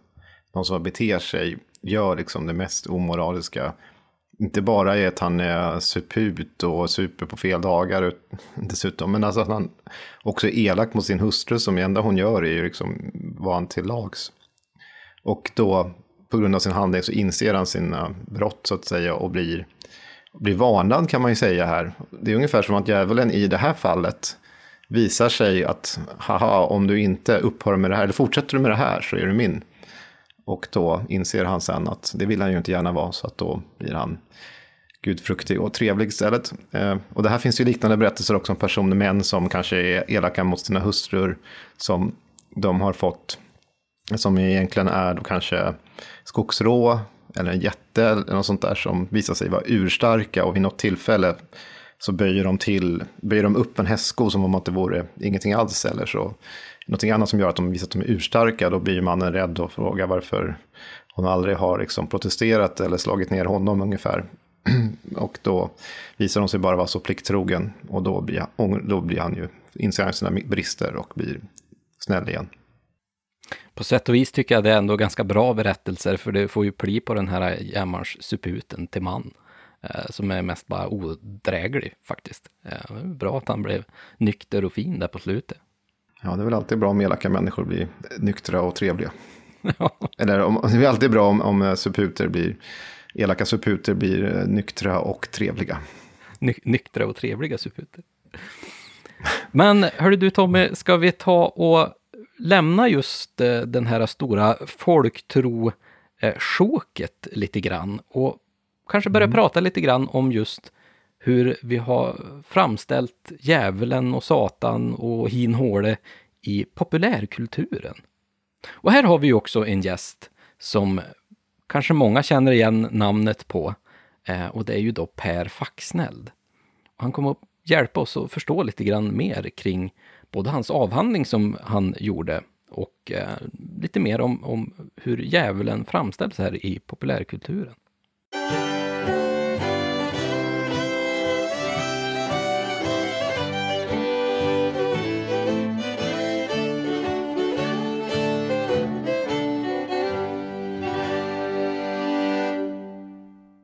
Då får vi till att välkomna dig hit till podden när man talar om trollen, Per Faxnell. Tack, kul att vara här. I det här avsnittet pratar vi om djävulen. Du är väl idag en av Sveriges, kanske en av världens ledande satanismforskare? Det kan man kanske lite, lite vänligt säga att det är, ja. Du har ju skrivit en eh, doktorsavhandling som heter Satanic Feminism som kom ut 2014, försvarar den va? Mm, första gången, precis. Och sen kom den ut igen 2017 från, från Oxford University Press. Just det, i en lite omarbetad version där. Mm. Och i den här avhandlingen så dels har du ju kanske en av de häftigaste titlarna religionshistoriska avhandlingar haft på väldigt, väldigt länge. Men kan du berätta lite kort vad du liksom kommer fram till och vad du forskar på i, i din doktorsavhandling här? Ja, men där, där tittar jag lite grann på den här väldigt gamla teologiska idén om att eh, Eva är den som först faller för ormens ränker i Edens lustgård. Ormen som ju då i senare teologisk tradition blir identifierad med djävulen. Eh, och härigenom då så uppstår en, en eh, tanke på att kvinnan har ett slags särskilt band till de sataniska makterna. Eh, och det här används sedan ganska mycket av prästerskap och olika kristna samhällsinstitutioner för att förtrycka kvinnan helt enkelt, hålla henne nere hindra henne från att få makt. Men under sent 1700-tal och sen in på 1800-talet så börjar en rad feminister då att vända på det här. Det vill säga de eh, omtolkar hela den här berättelsen med syndafallet eh, och hävdar att eh, ormen var i själva verket god. Den här kunskapen som den förbjudna frukten gav, det var någonting som Gud ville hålla borta från människan. Och Gud var liksom en slags förtryckande manlig fadersgestalt. Medan ormen eller Satan var eh, sätt och vis mer feminin eh, och hade också en slags sympati för Evas underordnade position och hjälpte henne att bli fri och självständig. Sen använder man den här tolkningen som ett liksom, retoriskt grepp i debatter mot eh, antifeministiska krafter på olika sätt. En ganska intressant grej det är den här idén med eh, smärtor vid barnafödande. Där det ju är då ett straff som utdöms av Gud till Eva, att hon ska framföda sina barn i smärta helt enkelt. Och av det här skälet så vägrade många eh, konservativa kristna läkare, fortfarande än idag förekommer av det skälet, då, så vägrade de att ge smärtlindring till kvinnor vid barnafödande eftersom det här var ett straff från Gud som man inte fick smita undan från så att säga. Och det här var ju sånt som, eh, där man ser hur den här traditionen kom in liksom, i vad som skulle vara ett mer vetenskapligt sammanhang egentligen under 1900-talet också. Eh, och då kunde de här kvinnorna eh, vända på steken där och säga att det var själva tvärtom. Ja, det låter ju väldigt, alltså, titeln på din avhandling har för övrigt eh, har ju synts till på t-shirtar och klistermärken och lite överallt. Och sen vet jag att du berättade för mig någon gång förut också att det var en ganska oväntad plats som beställde några exemplar av din doktorsavhandling. Mm. Bland de första som beställde den det var ju Vatikanbiblioteket som ville ha, ha två exemplar. Eh, men sen de här t-shirtarna och det som finns, det är ju, det är ju liksom inte direkt kopplat till avhandlingen nödvändigtvis. Det finns ju bland annat en konstnär som heter Nattskiftet som har gjort eh, t-shirtar. Eh, så man kan säga att det är en, en del av ett bredare fenomen runt satanistisk feminism som en, som en samtids rörelse där det här dykt upp igen efter att kanske ha legat, legat i träda lite grann i några decennier. Och du vet att du också har tagit upp en hel del såna här äh, ganska framstående äh, artister och sånt under 1800-talet som har använt sig av någon slags äh, satanism, satanistisk image, man ska säga, som har åtminstone haft attribut kopplat till djävulen. Mm. Sina kläder och sånt. Är det någonting du kan, några exempel på det? Man kan ju säga att en, en ganska intressant sak i, i liksom satanismens historia eller sympati för djävulens historia, det är att eh, i hög grad så växer det fram ur en, en litterär kontext med eh, olika romantiker, i synnerhet i, i eh, Storbritannien då, eh, i slutet av 1700-talet. Eh, och det, det, är namn som William Blake, eh, Percy Shelley, Lord Byron. Eh, och det de här har gjort då, det är att de har läst ett stort diktverk som skrivet av en poet som heter John Milton Paradise Lost, också namnet på ett, ett klassiskt hårdrocksband förstås, mm. eh, som kom ut 1667. Eh, och där är djävulen en ganska eh, liksom tilltalande, häftig figur. Även om John Milton själv antagligen inte tänkte att han skulle framstå som en hjälte direkt. Men det tyckte de här romantikerna. Eh, och de såg också Satan som en slags symbol för uppror mot samhället eller mot kungamakten och mot eh, förtryckande institutioner på olika vis. Så att de hyllade Satan som en sån här befrielsefigur. Och det där spred sig sen också ut i politiska kretsar. Så att eh, en del tidiga anarkister plockade upp det där. Eh, namn som Proudhon och Bakunin och Godwin. Alla hade de någon slags sympati för djävulen som de uttryckte. Flera av de här romantiska författarna var också själva ganska politiskt engagerade. Percy Shelley var en typ av anarkist kan man säga. Eh, så där, där dyker det upp och det är som de första exemplen egentligen på att någon tydligt tar ställning för djävulen så att säga. Det är i den här skönlitterära, eh, högborgerliga, ofta rent av adliga kontexten som man hittar det. Sen hade det förstås förekommit, eh, som ni väl pratat om tidigare i programmet, då, i folkliga sammanhang att man också kunde vända sig till djävulen för hjälp på olika sätt. Och där var ju det här med barnafödande var ju en sån sak där det liksom inte var så troligt att Gud skulle vilja lindra ens födslosmärtor eftersom det var ett utdömt straff. Och då kunde man ju vända sig till just djävulen. Ja, men det har vi ju hört om här i podden, i både avsnittet om maran och om varulven. Mm, exakt, och då blev det ju hemska straff då. Man, man vände sig till, till andra makter för att få hjälp. Jag tänker även här, du har, jag vet att du täcker mycket av västvärlden så att säga i din forskning.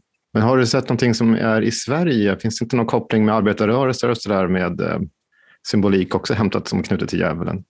Mm, jo, men det gör det. Och den, den fortsätter lite grann på de här romantikernas spår. Inom den tidiga socialdemokratin så fanns det en del riktigt radikala figurer som Eh, propagerade för liksom väpnad revolution och sådär. Eh, och en del av dem de tyckte att man skulle skrämma borgerskapet så mycket som det bara gick för att få igenom sina politiska krav på, på liksom bättre villkor för arbetarna. Och, så där. och då eh, använde man sig av en satanistisk symbolik som var inspirerad delvis då av de här litterära klassikerna. Och idén där handlade också om att man ville markera mot prästerskapet. Svenska kyrkan var otroligt fientlig mot socialdemokratin till en början. Så att prästerna, eller svartrockarna som man föraktfullt kallar dem för, de var ju eh, huvudfiender för arbetarrörelsen. Så att eh, det förekom dikter som hyllade Satan i tidiga socialdemokratiska tidningar där man också uppmanade till att mörda präster, bränna kyrkor och sådana saker. Ganska starka grejer. Är det inte någon av de här tidningarna som också kallar sig för Morgonstjärnan? Mm, precis, Lucifer hade man ett, eh, flera stycken olika såna socialdemokratiska tidningar och flygblad som hette, Eh, där det var just hyllningsdikter till Lucifer som arbetarnas befriare, den som aldrig viker ner sig för överheten. Det här, det här får man nästan osökt att tänka på någonting, om vi tar ett steg fram i tid, när du pratar om det här hatet från arbetarrörelsen så att säga, mot eh, svartrockarna och prästerna och propagerar om att bränna kyrkor och så. Jag vet att du också har, har forskat en del om den så kallade black metal-kulturen och eh, vad som skedde exempelvis i Norge, för att ta ett känt exempel, är ju lite grann så. Det är ju uh, unga män, alltså arbetarklass kan man väl säga till stor del, som ju vänder sig starkt emot just uh, kyrkans makt fortfarande då i Norge genom att bränna kyrkor och andra saker. Mm. Ja, det, det, är, det är en märklig, nästan liksom profetisk tendens i det här med att, med att det uppmanas till kyrkbränder i, i specifikt en skandinavisk arbetarrörelsekontext. Eh, och sen är det ju här som alla de här dramatiska kyrk, kyrkbränderna sker i början av 90-talet. Sen är, är väl likheten med arbetarrörelsen i övrigt är kanske inte så stora egentligen. Eh, men det, det är ändå en intressant parallell där. Jag tänker en annan sak som också är, särskilt i Norge då, så är det ju i kretsar som också är kopplat till arbetarrörelsen så kommer ju ibland tolken ut eh, på norska, norska översättning. Och några som läser det här med stor entusiasm är ju samma personer som är involverade i den här äh, black metal-rörelsen till stor del, som hämtar sina namn och så vidare från tolken. Så det, de har ju, ja, det finns en, en sån koppling också som är lite äh, intressant i detta sammanhang tycker jag. Mm. Och där, där väljer man ju då förstås att sympatisera med de, de onda varelserna i, i Tolkiens värld. Eh, och det är ju kanske lite svårare att, att begripa sig på. Eh, det, det som är, för gemene man så känns det nog mindre logiskt att man känner sympati för Sauron än att man kan känna sympati för, för Satan så som den figuren har utvecklats över tid liksom, till den här upproriska, rebelliska hjälten. Jag tror det är svårt att göra en sån läsning av, av Sauron till exempel. Ja, och den katolska tolken hade ju vridit sig i graven om han visste vad som skedde efter hans död. Garanterat. Men du har ju sysslat med ja, black metal, men du har också varit inne en hel del i konstvärlden och i film, filmvetenskapen, skrivit och föreläst mycket om film. Nej, men det, det, finns ju väldigt många intressanta gestaltningar såklart av, av djävulen på film. Och det, det är liksom hela spektrat som man hittar där. Dels förstås sånt som är, är, har en, en katolsk grund, ungefär som är, som är Tolkien. Eh, till exempel filmen eh, The Exorcist, eh, som bygger på en roman som är skriven av en, en katolik som i princip ville propagera för den katolska kyrkans världsbild. Eh, där djävulen verkligen är någonting att akta sig för och som man kan få kyrkans hjälp med att driva ut. Det är ena änden av spektrat. Till det som är mycket mer subversivt, där man hittar en slags sympati för djävulen. Eh, och där tycker jag att ett intressant exempel är Roman Polanskis film The Ninth Gate, som handlar om en, sån en, en, eh, en grimoire, en, en, magisk bok som man kan använda för att öppna portaler liksom in i en, en annan dimension en bok då som sägs vara skriven med djävulens hjälp. Och I den filmen så dyker djävulen upp, spelad av Polanskis fru intressant nog, eh, i skepnad av en kvinna. Då. Eh, och det här går tillbaka på äldre litterära och teologiska traditioner där man tänker sig just en feminin djävul. Men den här djävulen är som en ganska hjälpsam figur och filmen slutar på ett sätt som jag tror många tycker är ganska gåtfullt. Nu spoilar jag lite grann här, men det slutar ju med att, att huvudpersonen som spelas av Johnny Depp får träda in i någon slags satanisk upplysning med den här bokens och med djävulens hjälp.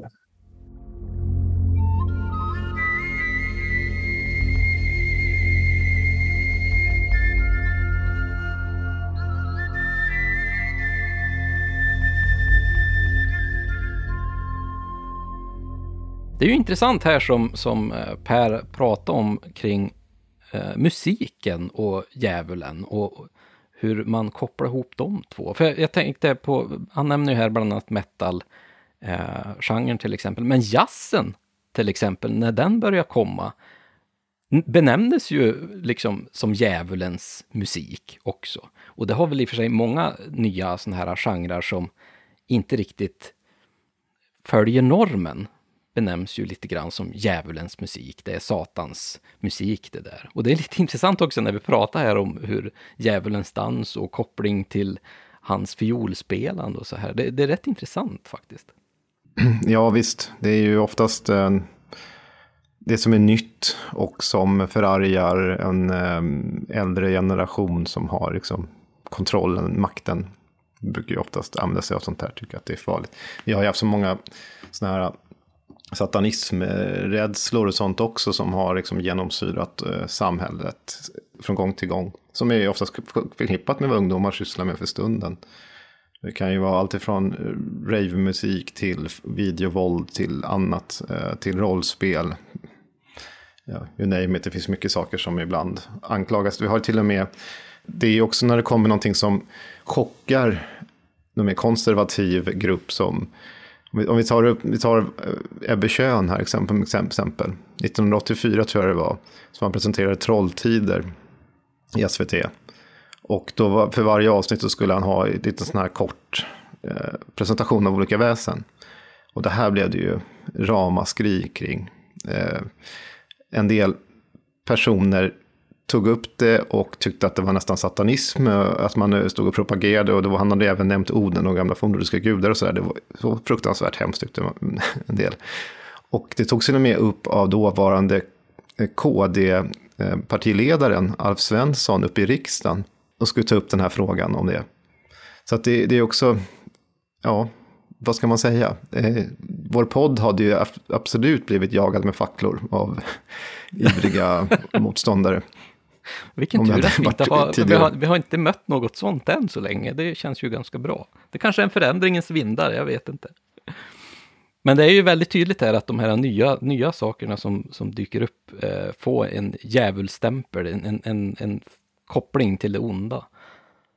Men när vi pratar här om populärkulturen, i filmens värld är ju också djävulen väldigt framkommande i många olika filmer och i serier och allt möjligt. Och vi skulle kunna ha ett helt avsnitt egentligen om djävulen i populärkultur. Men jag tänkte fråga dig egentligen Tommy, har du någon specifik film som där du tycker att Satan eller djävulen porträtteras på ett intressant eller ett spännande eller ett bra sätt?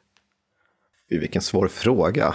Mm. Behöver man egentligen fundera på. Men jag, jag, jag, säger någonting, jag tycker inte om den här serien. Alltså, nu, pratar jag, nu kommer jag nämna en tv-serie som mm. jag egentligen inte tycker om. Förlåt alla som älskar den här serien. Eh, det, det, är serien som heter Lucifer. Mm. Och den bygger i sin tur på en spin-off på Neil Gaimans eh, Sandman-serier. Som är fantastiskt bra. Jag har inte läst de här Lucifer-serierna som eh, Lucifer är en karaktär i den här, i, i Neil Gaimans Sandman. Som också lämnar helvetet, kommer till jorden och sen, ja, den biten. Och eh, serierna, serie, alltså seriealbumen tror jag är fantastiska eftersom de håller någorlunda, när, om de ligger någonstans i närheten av Sandman så tror jag att jag kommer gilla dem. Men tv-serien som bygger på det som har blivit väldigt, väldigt stor, jag vet inte upp det i femte eller sjätte säsongen nu. Den, den, den visar ju på en djävul som faktiskt är lite missförstådd, som inte vill regera över helvetet, men har blivit tvingat till det mer eller mindre av Gud. Så det här är en så här, vi går in på den här sympatiska, eller sympati för djävulen. Och då, då tänker jag på en till sak som ju såklart Rolling Stones låt Sympathy for the Devil. Som ju, det, det, jag tycker det, det känns lite grann som att vi är, vi är, det har vi varit längre tid, Per nämnde ju här också Milton och så, även om det var omedvetet då från författarens sida. Men att man har den här bilden av djävulen som en mer sympatisk person som man kan liksom på sätt och vis eh, identifiera sig med, eller tycka nästan lite synd om. Jag menar, han har ju aldrig, eller den har ju aldrig bett om att få regera över helvetet och ställa till alla de här plågorna. Så att eh, det finns ju många, så att säga, takes, som man säger på engelska, på det där också. Som jag tycker faktiskt är ganska fascinerande och spännande. Men då ska vi gå tillbaka, vad har du för favorit? Oh, ja, det, det, det är ju synd att jag ställer den där frågan, för jag har egentligen samma svar som du. Det är så himla svårt. Men när jag tänker på djävulen i film och så här, så tycker jag oftast... jag gillar ju eh, filmer med mycket monster, med mycket eh, visuella element. Eh, och en av dem jag tänker på där det är en väldigt tydlig djävulsgestalt är ju den här filmen Legend, där Tim Curry mm. eh, porträtterar djävulen. Och där är han ju väldigt, väldigt tydlig varelse med de här stora bockhornen och han är alldeles röd och han har den här stora framtoningen och Tim Curry är så himla rolig och eh, skådespelare också som har en, ett speciellt sätt att, att spela sina roller, så han passar så väldigt bra i det där. Och sen har vi faktiskt en, en annan film som jag tycker är väldigt bra, och den är också baserad på en serie, och det är väl en Marvel-serie tror jag. Det är ju Konstantin. Eh, mm. Och det är en, en film som gjordes i, på 2000-talet, tror jag att det är. Eh, och där är Peter Stormare eh, som spelar då Lucifer eller djävulen eller Satan. Och han har en sån väldigt intressant närvaro. Jag tyckte det är en av de bättre porträtteringarna av just den här onde djävulen. Eh, just i den här filmen Konstantin. Så att, ja, nej, men det är väl de två eh, filmer. Sen finns ju mängder naturligtvis, men, men som sagt, vi kan ju inte sitta och surra Jag trodde du skulle säga Djävulen bär Prada, trodde jag du skulle säga. Jaha, ja men den, den är så länge sedan jag såg, så att jag har lite svårt att Djävulens advokat är ju också en bara... bra film. Liksom. Ja, men jag tror du säger legender för att det är en ung Tom Cruise där och en enhörning i filmen. Ja, det kan ju vara lite det också kanske. ja, men sen har vi ju som, såklart, vi har ju djävulen porträtterad i, i serieböcker, i litteratur. Eh, och, men egentligen, jag skulle kunna säga så här, skulle ni vilja att vi gjorde kanske ett bonusavsnitt? Det hade ju passat bra att göra ett litet bonusavsnitt där vi pratar om djävulen kanske i populärkulturen, för att vi skulle nog säkert kunna fylla ett helt sånt avsnitt. Men hör gärna av er om det skulle låta intressant. Vi har ju vår Patreon-sida där vi gör bonusavsnitt där vi pratar om eh, saker som inte får plats i de här stora avsnitten som vi gör.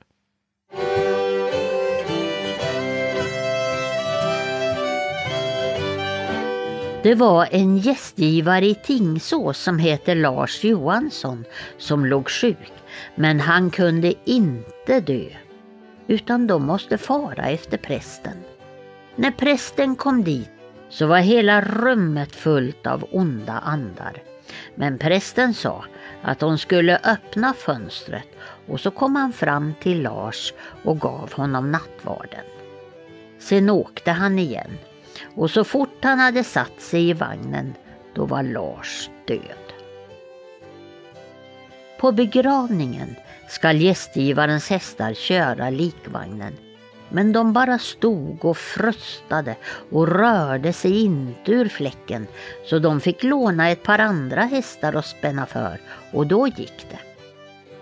Men hästarna sprang så det knappt gick att hålla dem och en stor svart hund sprang under kistan ända tills de kom fram till kyrkan. Den prästen, han kunde titta ner i graven och se var de döda hamnade sen. När han hade jordfäst Lars så tittade han ner i graven och så var det som han funderade en liten stund. Men sen sa han att det var tråkigt att en människa skulle leva i ett halvt sekel och inte ställa det bättre för sig än att han hamnade i avgrunden. För se Lars, han var 50 år när han dog. Och det här, det hände i min barndom. För jag var där och jag fick mat på begravningen. Tommy, var får du tag på de här berättelserna? Alltså, det kan ju inte finnas jättemånga sägner där Lars förekommer. Men här i Småland så fanns det tydligen en Lars. Ja, det finns gott om sägner i arkiven på tjänster som exempelvis om man ska digitalt söka som Sägenkartan eller Folke. Det finns också väldigt mycket sådana här äh, äldre tryckta samlingar med äh, sägner. Så att det, det är inte svårt. Och Lars är inte ett jätteovanligt namn, även i äldre tid. Det kanske inte är det. Den här berättelsen äh, låter ju lite grann som ett memorat, för den här personen som berättar var ju tydligen på begravningen och fick mat. Memorat är ju oftast, det är ju ett intressant, det är ju inte en sägen om det är ett memorat. Eh, det är olika saker, för att ett memorat, beroende på hur man tolkar det, ett memorat eh, är ju ett begrepp som myntades av den svenska folkloristen Carl Wilhelm von Sydow som var far till Max von Sydow. Han tänkte sig då att det är första hans upplevelser. Sen har det där begreppet förts vidare så man kan prata om sekundärmemorat och sen finns det en massa olika andra varianter för att det är svårt att upprätthålla det första perspektivet.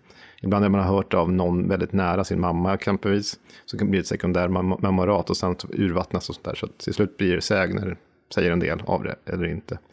Eh, forskare har, det kan ju också debatteras, eh, tänkt att det har ju mer trovärdighet då, sanningshalten i dem. Eftersom någon själv menar sig ha varit med om något och så kan man ju alltid ifrågasätta hur pålitliga många människor är. Men, ja. ja, men precis.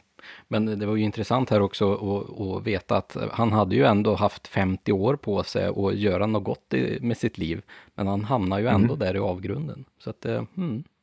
Det kanske ja, är värt kört. att tänka på. Jag har ju några år kvar till 50, så att eh, tro det eller ej.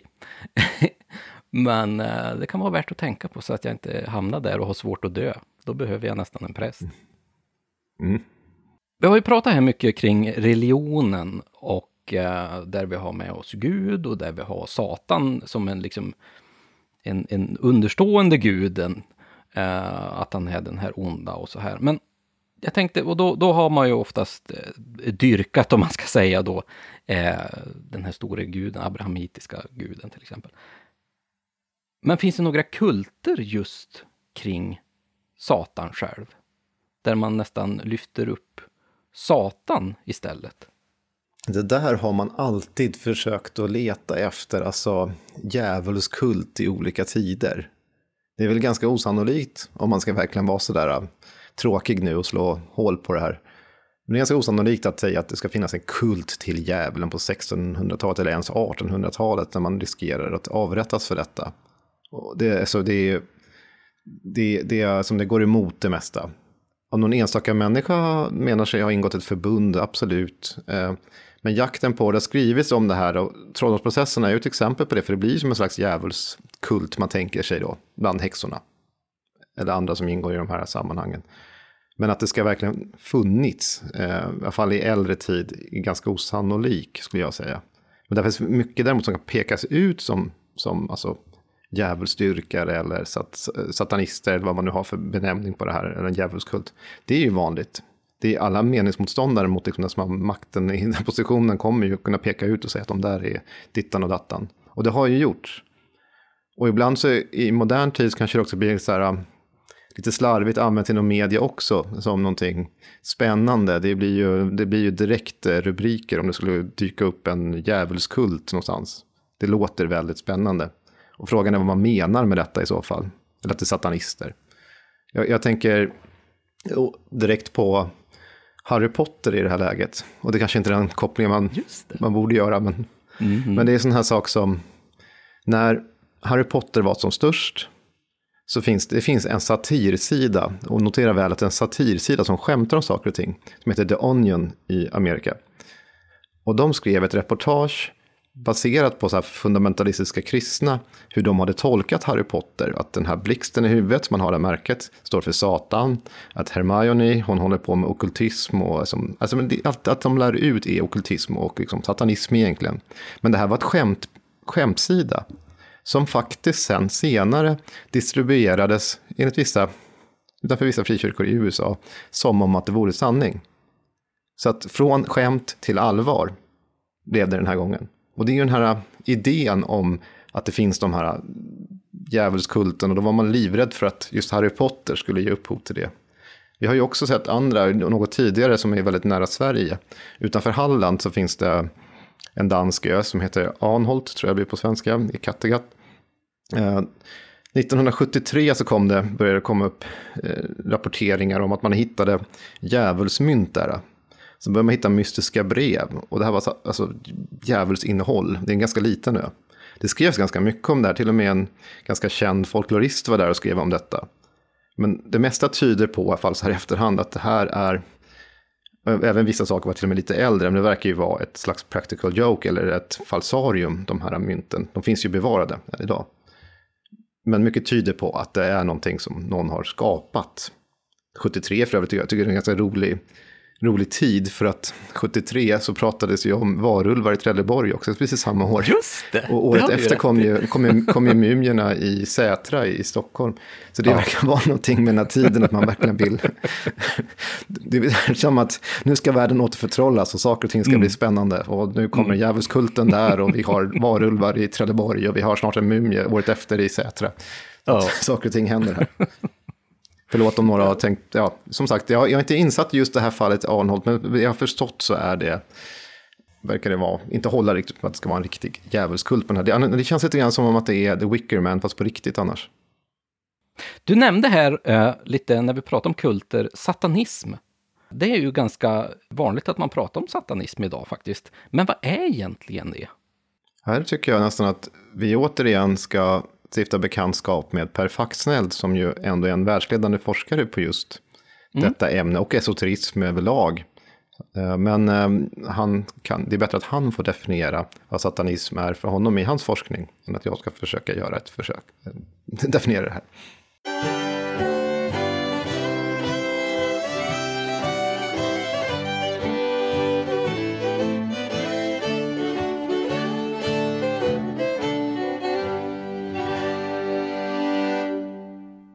Jag, jag brukar definiera satanism som ett tankesystem där Satan hyllas eh, i framskjuten position. Det vill säga att det är liksom ett, ett tankesystem där eh, det är något mer än bara något tillfälligt, det är ett ordentligt utvecklat system. Och den centrala gestalten som eh, man dyrkar eller symboliskt hyllar, det är Satan. Då. Och det här är för att snäva av lite grann mot grupper till exempel där, där Satan kan vara en av en rad olika gudomar eller entiteter eller symboler som man laborerar med, men där det liksom inte är huvudfiguren. Eh, så att ungefär så brukar jag, brukar jag definiera det. Då, då, I den där definitionen då ingår ju även den här äh, Lavey satanism. Då. Ja, exakt. Äh, och satanism, om man talar om det som en, en organiserad rörelse, så den har ju en mycket kortare historia än vad många tänker sig.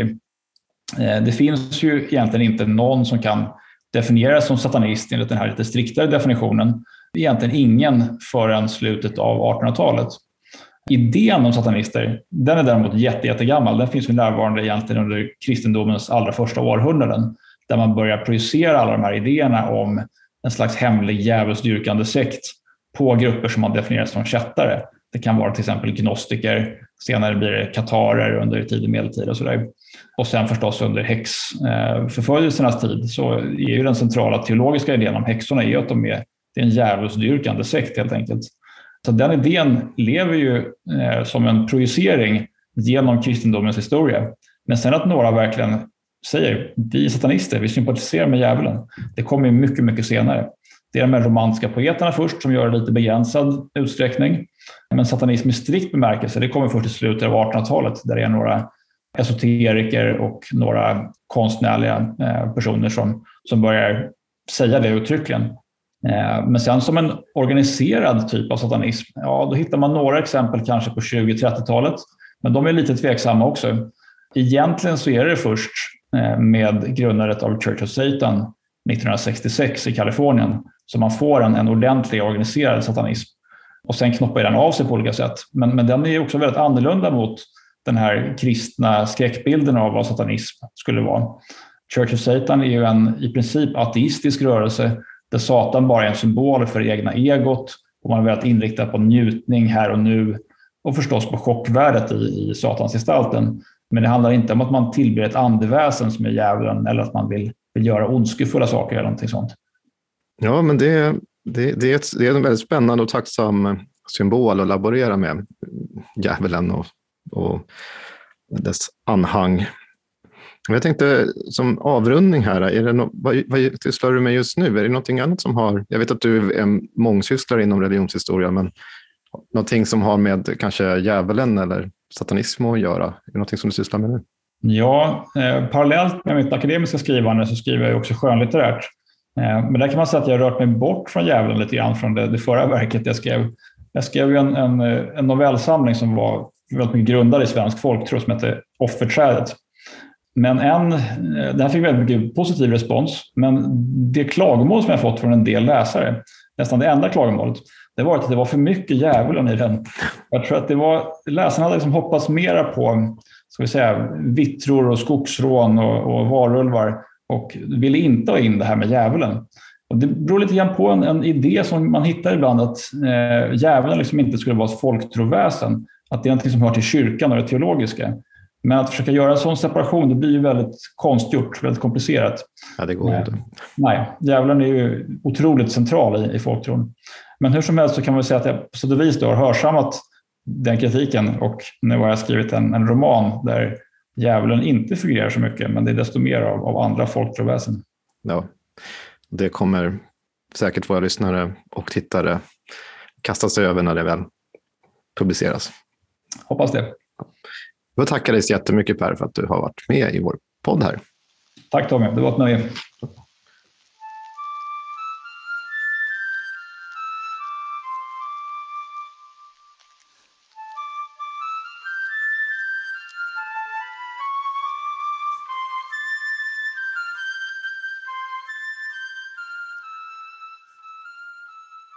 Men vad säger du Tommy, vi har ju avlagt så otroligt mycket i det här avsnittet. Hur ska vi kunna sammanfatta hela detta kring denna djävul, denna satans eh, förbaskade hinhåle?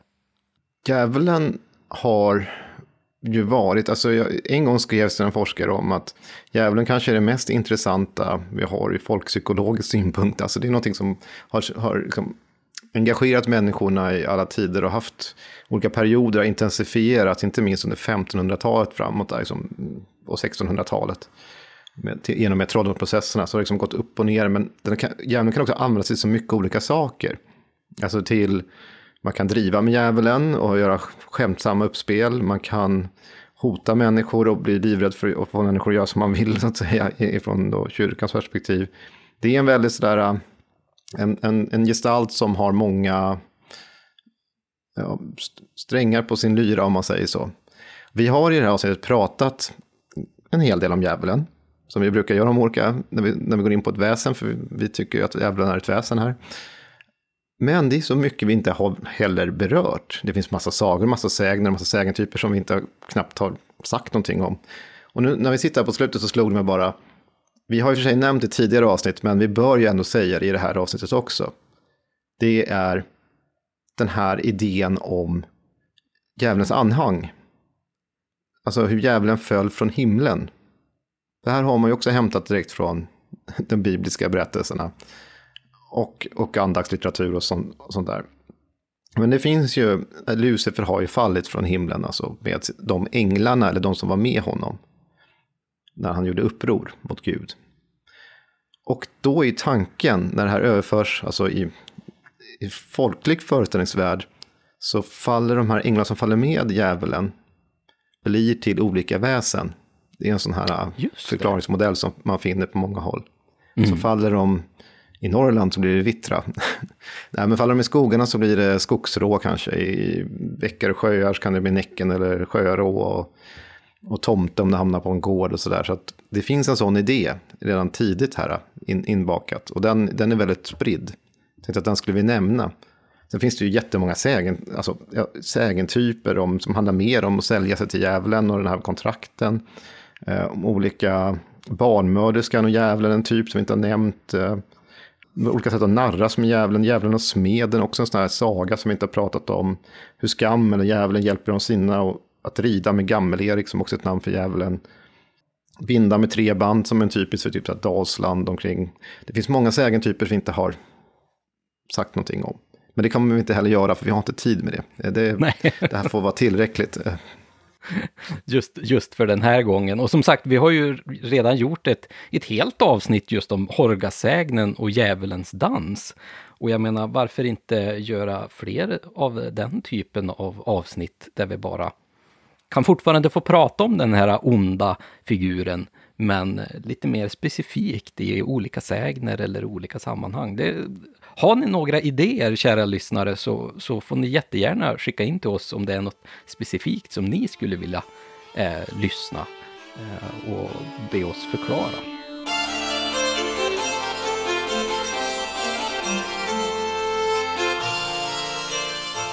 Men eh, Tommy, vad tror du? Ska vi tacka våra fantastiska gäster Nathalie, Petter och Per här? Eh, Jätte, Mm. jätteroligt att de kunde vara med och lära oss lite mer om just djävulen. Eh, Det var otroligt kul. Verkligen roligt. Och superroligt som vanligt att du kan vara med Tommy. Det är ju, den här Mm. podden är ju ingenting utan varken du eller jag kanske. Och definitivt inte Eva heller som läser upp våra fantastiska berättelser. Men det här är ju en söndag. Eh, djävulens vil, eller vad säger jag, Guds vilodag. Då kanske det passar bra att vi pratar om djävulen. Jag vet inte. Det kanske är det. Nu tänkte du säga djävulens vilodag. Nu blir det väldigt farligt det här. Ja, du, ja. du har redan påverkats av Eh. ämnet. Mm. Det, här, det här är inte bra. Vi kanske måste avsluta nu. Ja, jag tror det. Hör du, jag får tacka så hemskt mycket.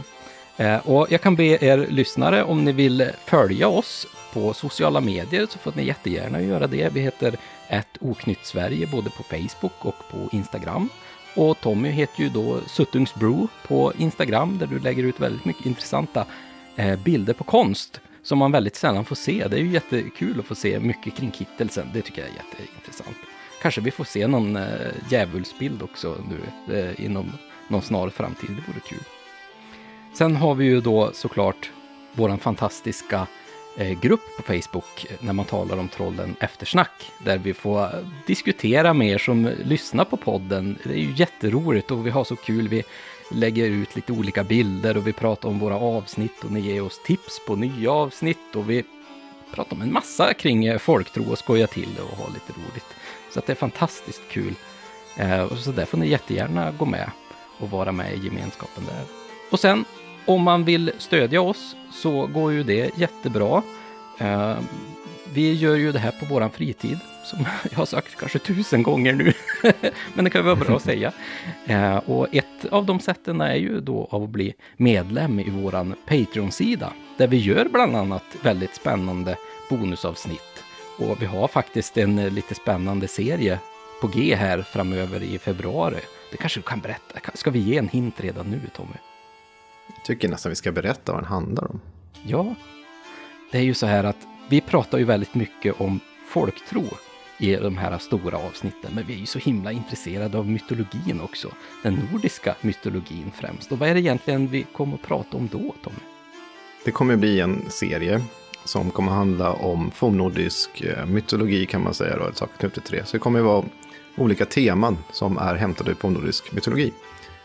Kortare avsnitt, inte så här långa som de här i alla fall.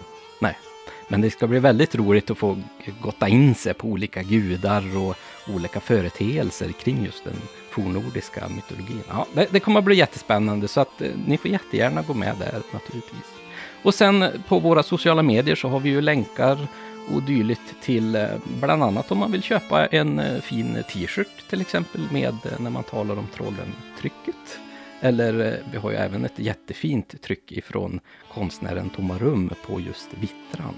Och sen har vi ju, eh, förutom t-shirts, så har vi ju mycket andra grejer också. Vi har ju eh, lite väskor och bland annat en väldigt fin teddybjörn. Tycker jag i alla fall, med en egen t-shirt. Och tittar man på videoavsnittet här så har vi faktiskt med han i bild under hela avsnittet. Så det är ju lite kul. Men du Tommy, tusen tack för den här gången. Så ses vi i nästa avsnitt. Det gör vi. Ha det bra. Hej då! Programmet är producerat av Oknytt, Nordisk folktro och mytologi och intromusiken är komponerad av Mark Jungerman.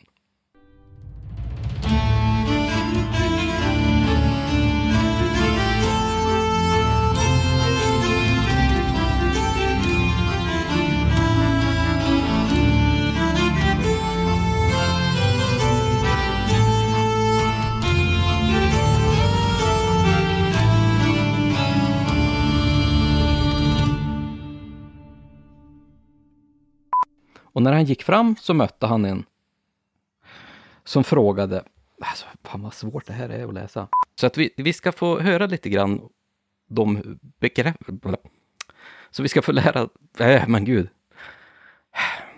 Varför är det så svårt att göra enkla saker? Jag vet inte. Jag kom att tänka på en sak. Eh, Du sa kentaur, Mm. var det det du tänkte på? Eh, Jag menar satyr. Och stryka med svärdet över deras nackar så, blir det de le, no, så, lev, så lever de nog igen. Gud, gud vad slarvar med pratet. Då. När man talar om trollen, ska jag inte säga.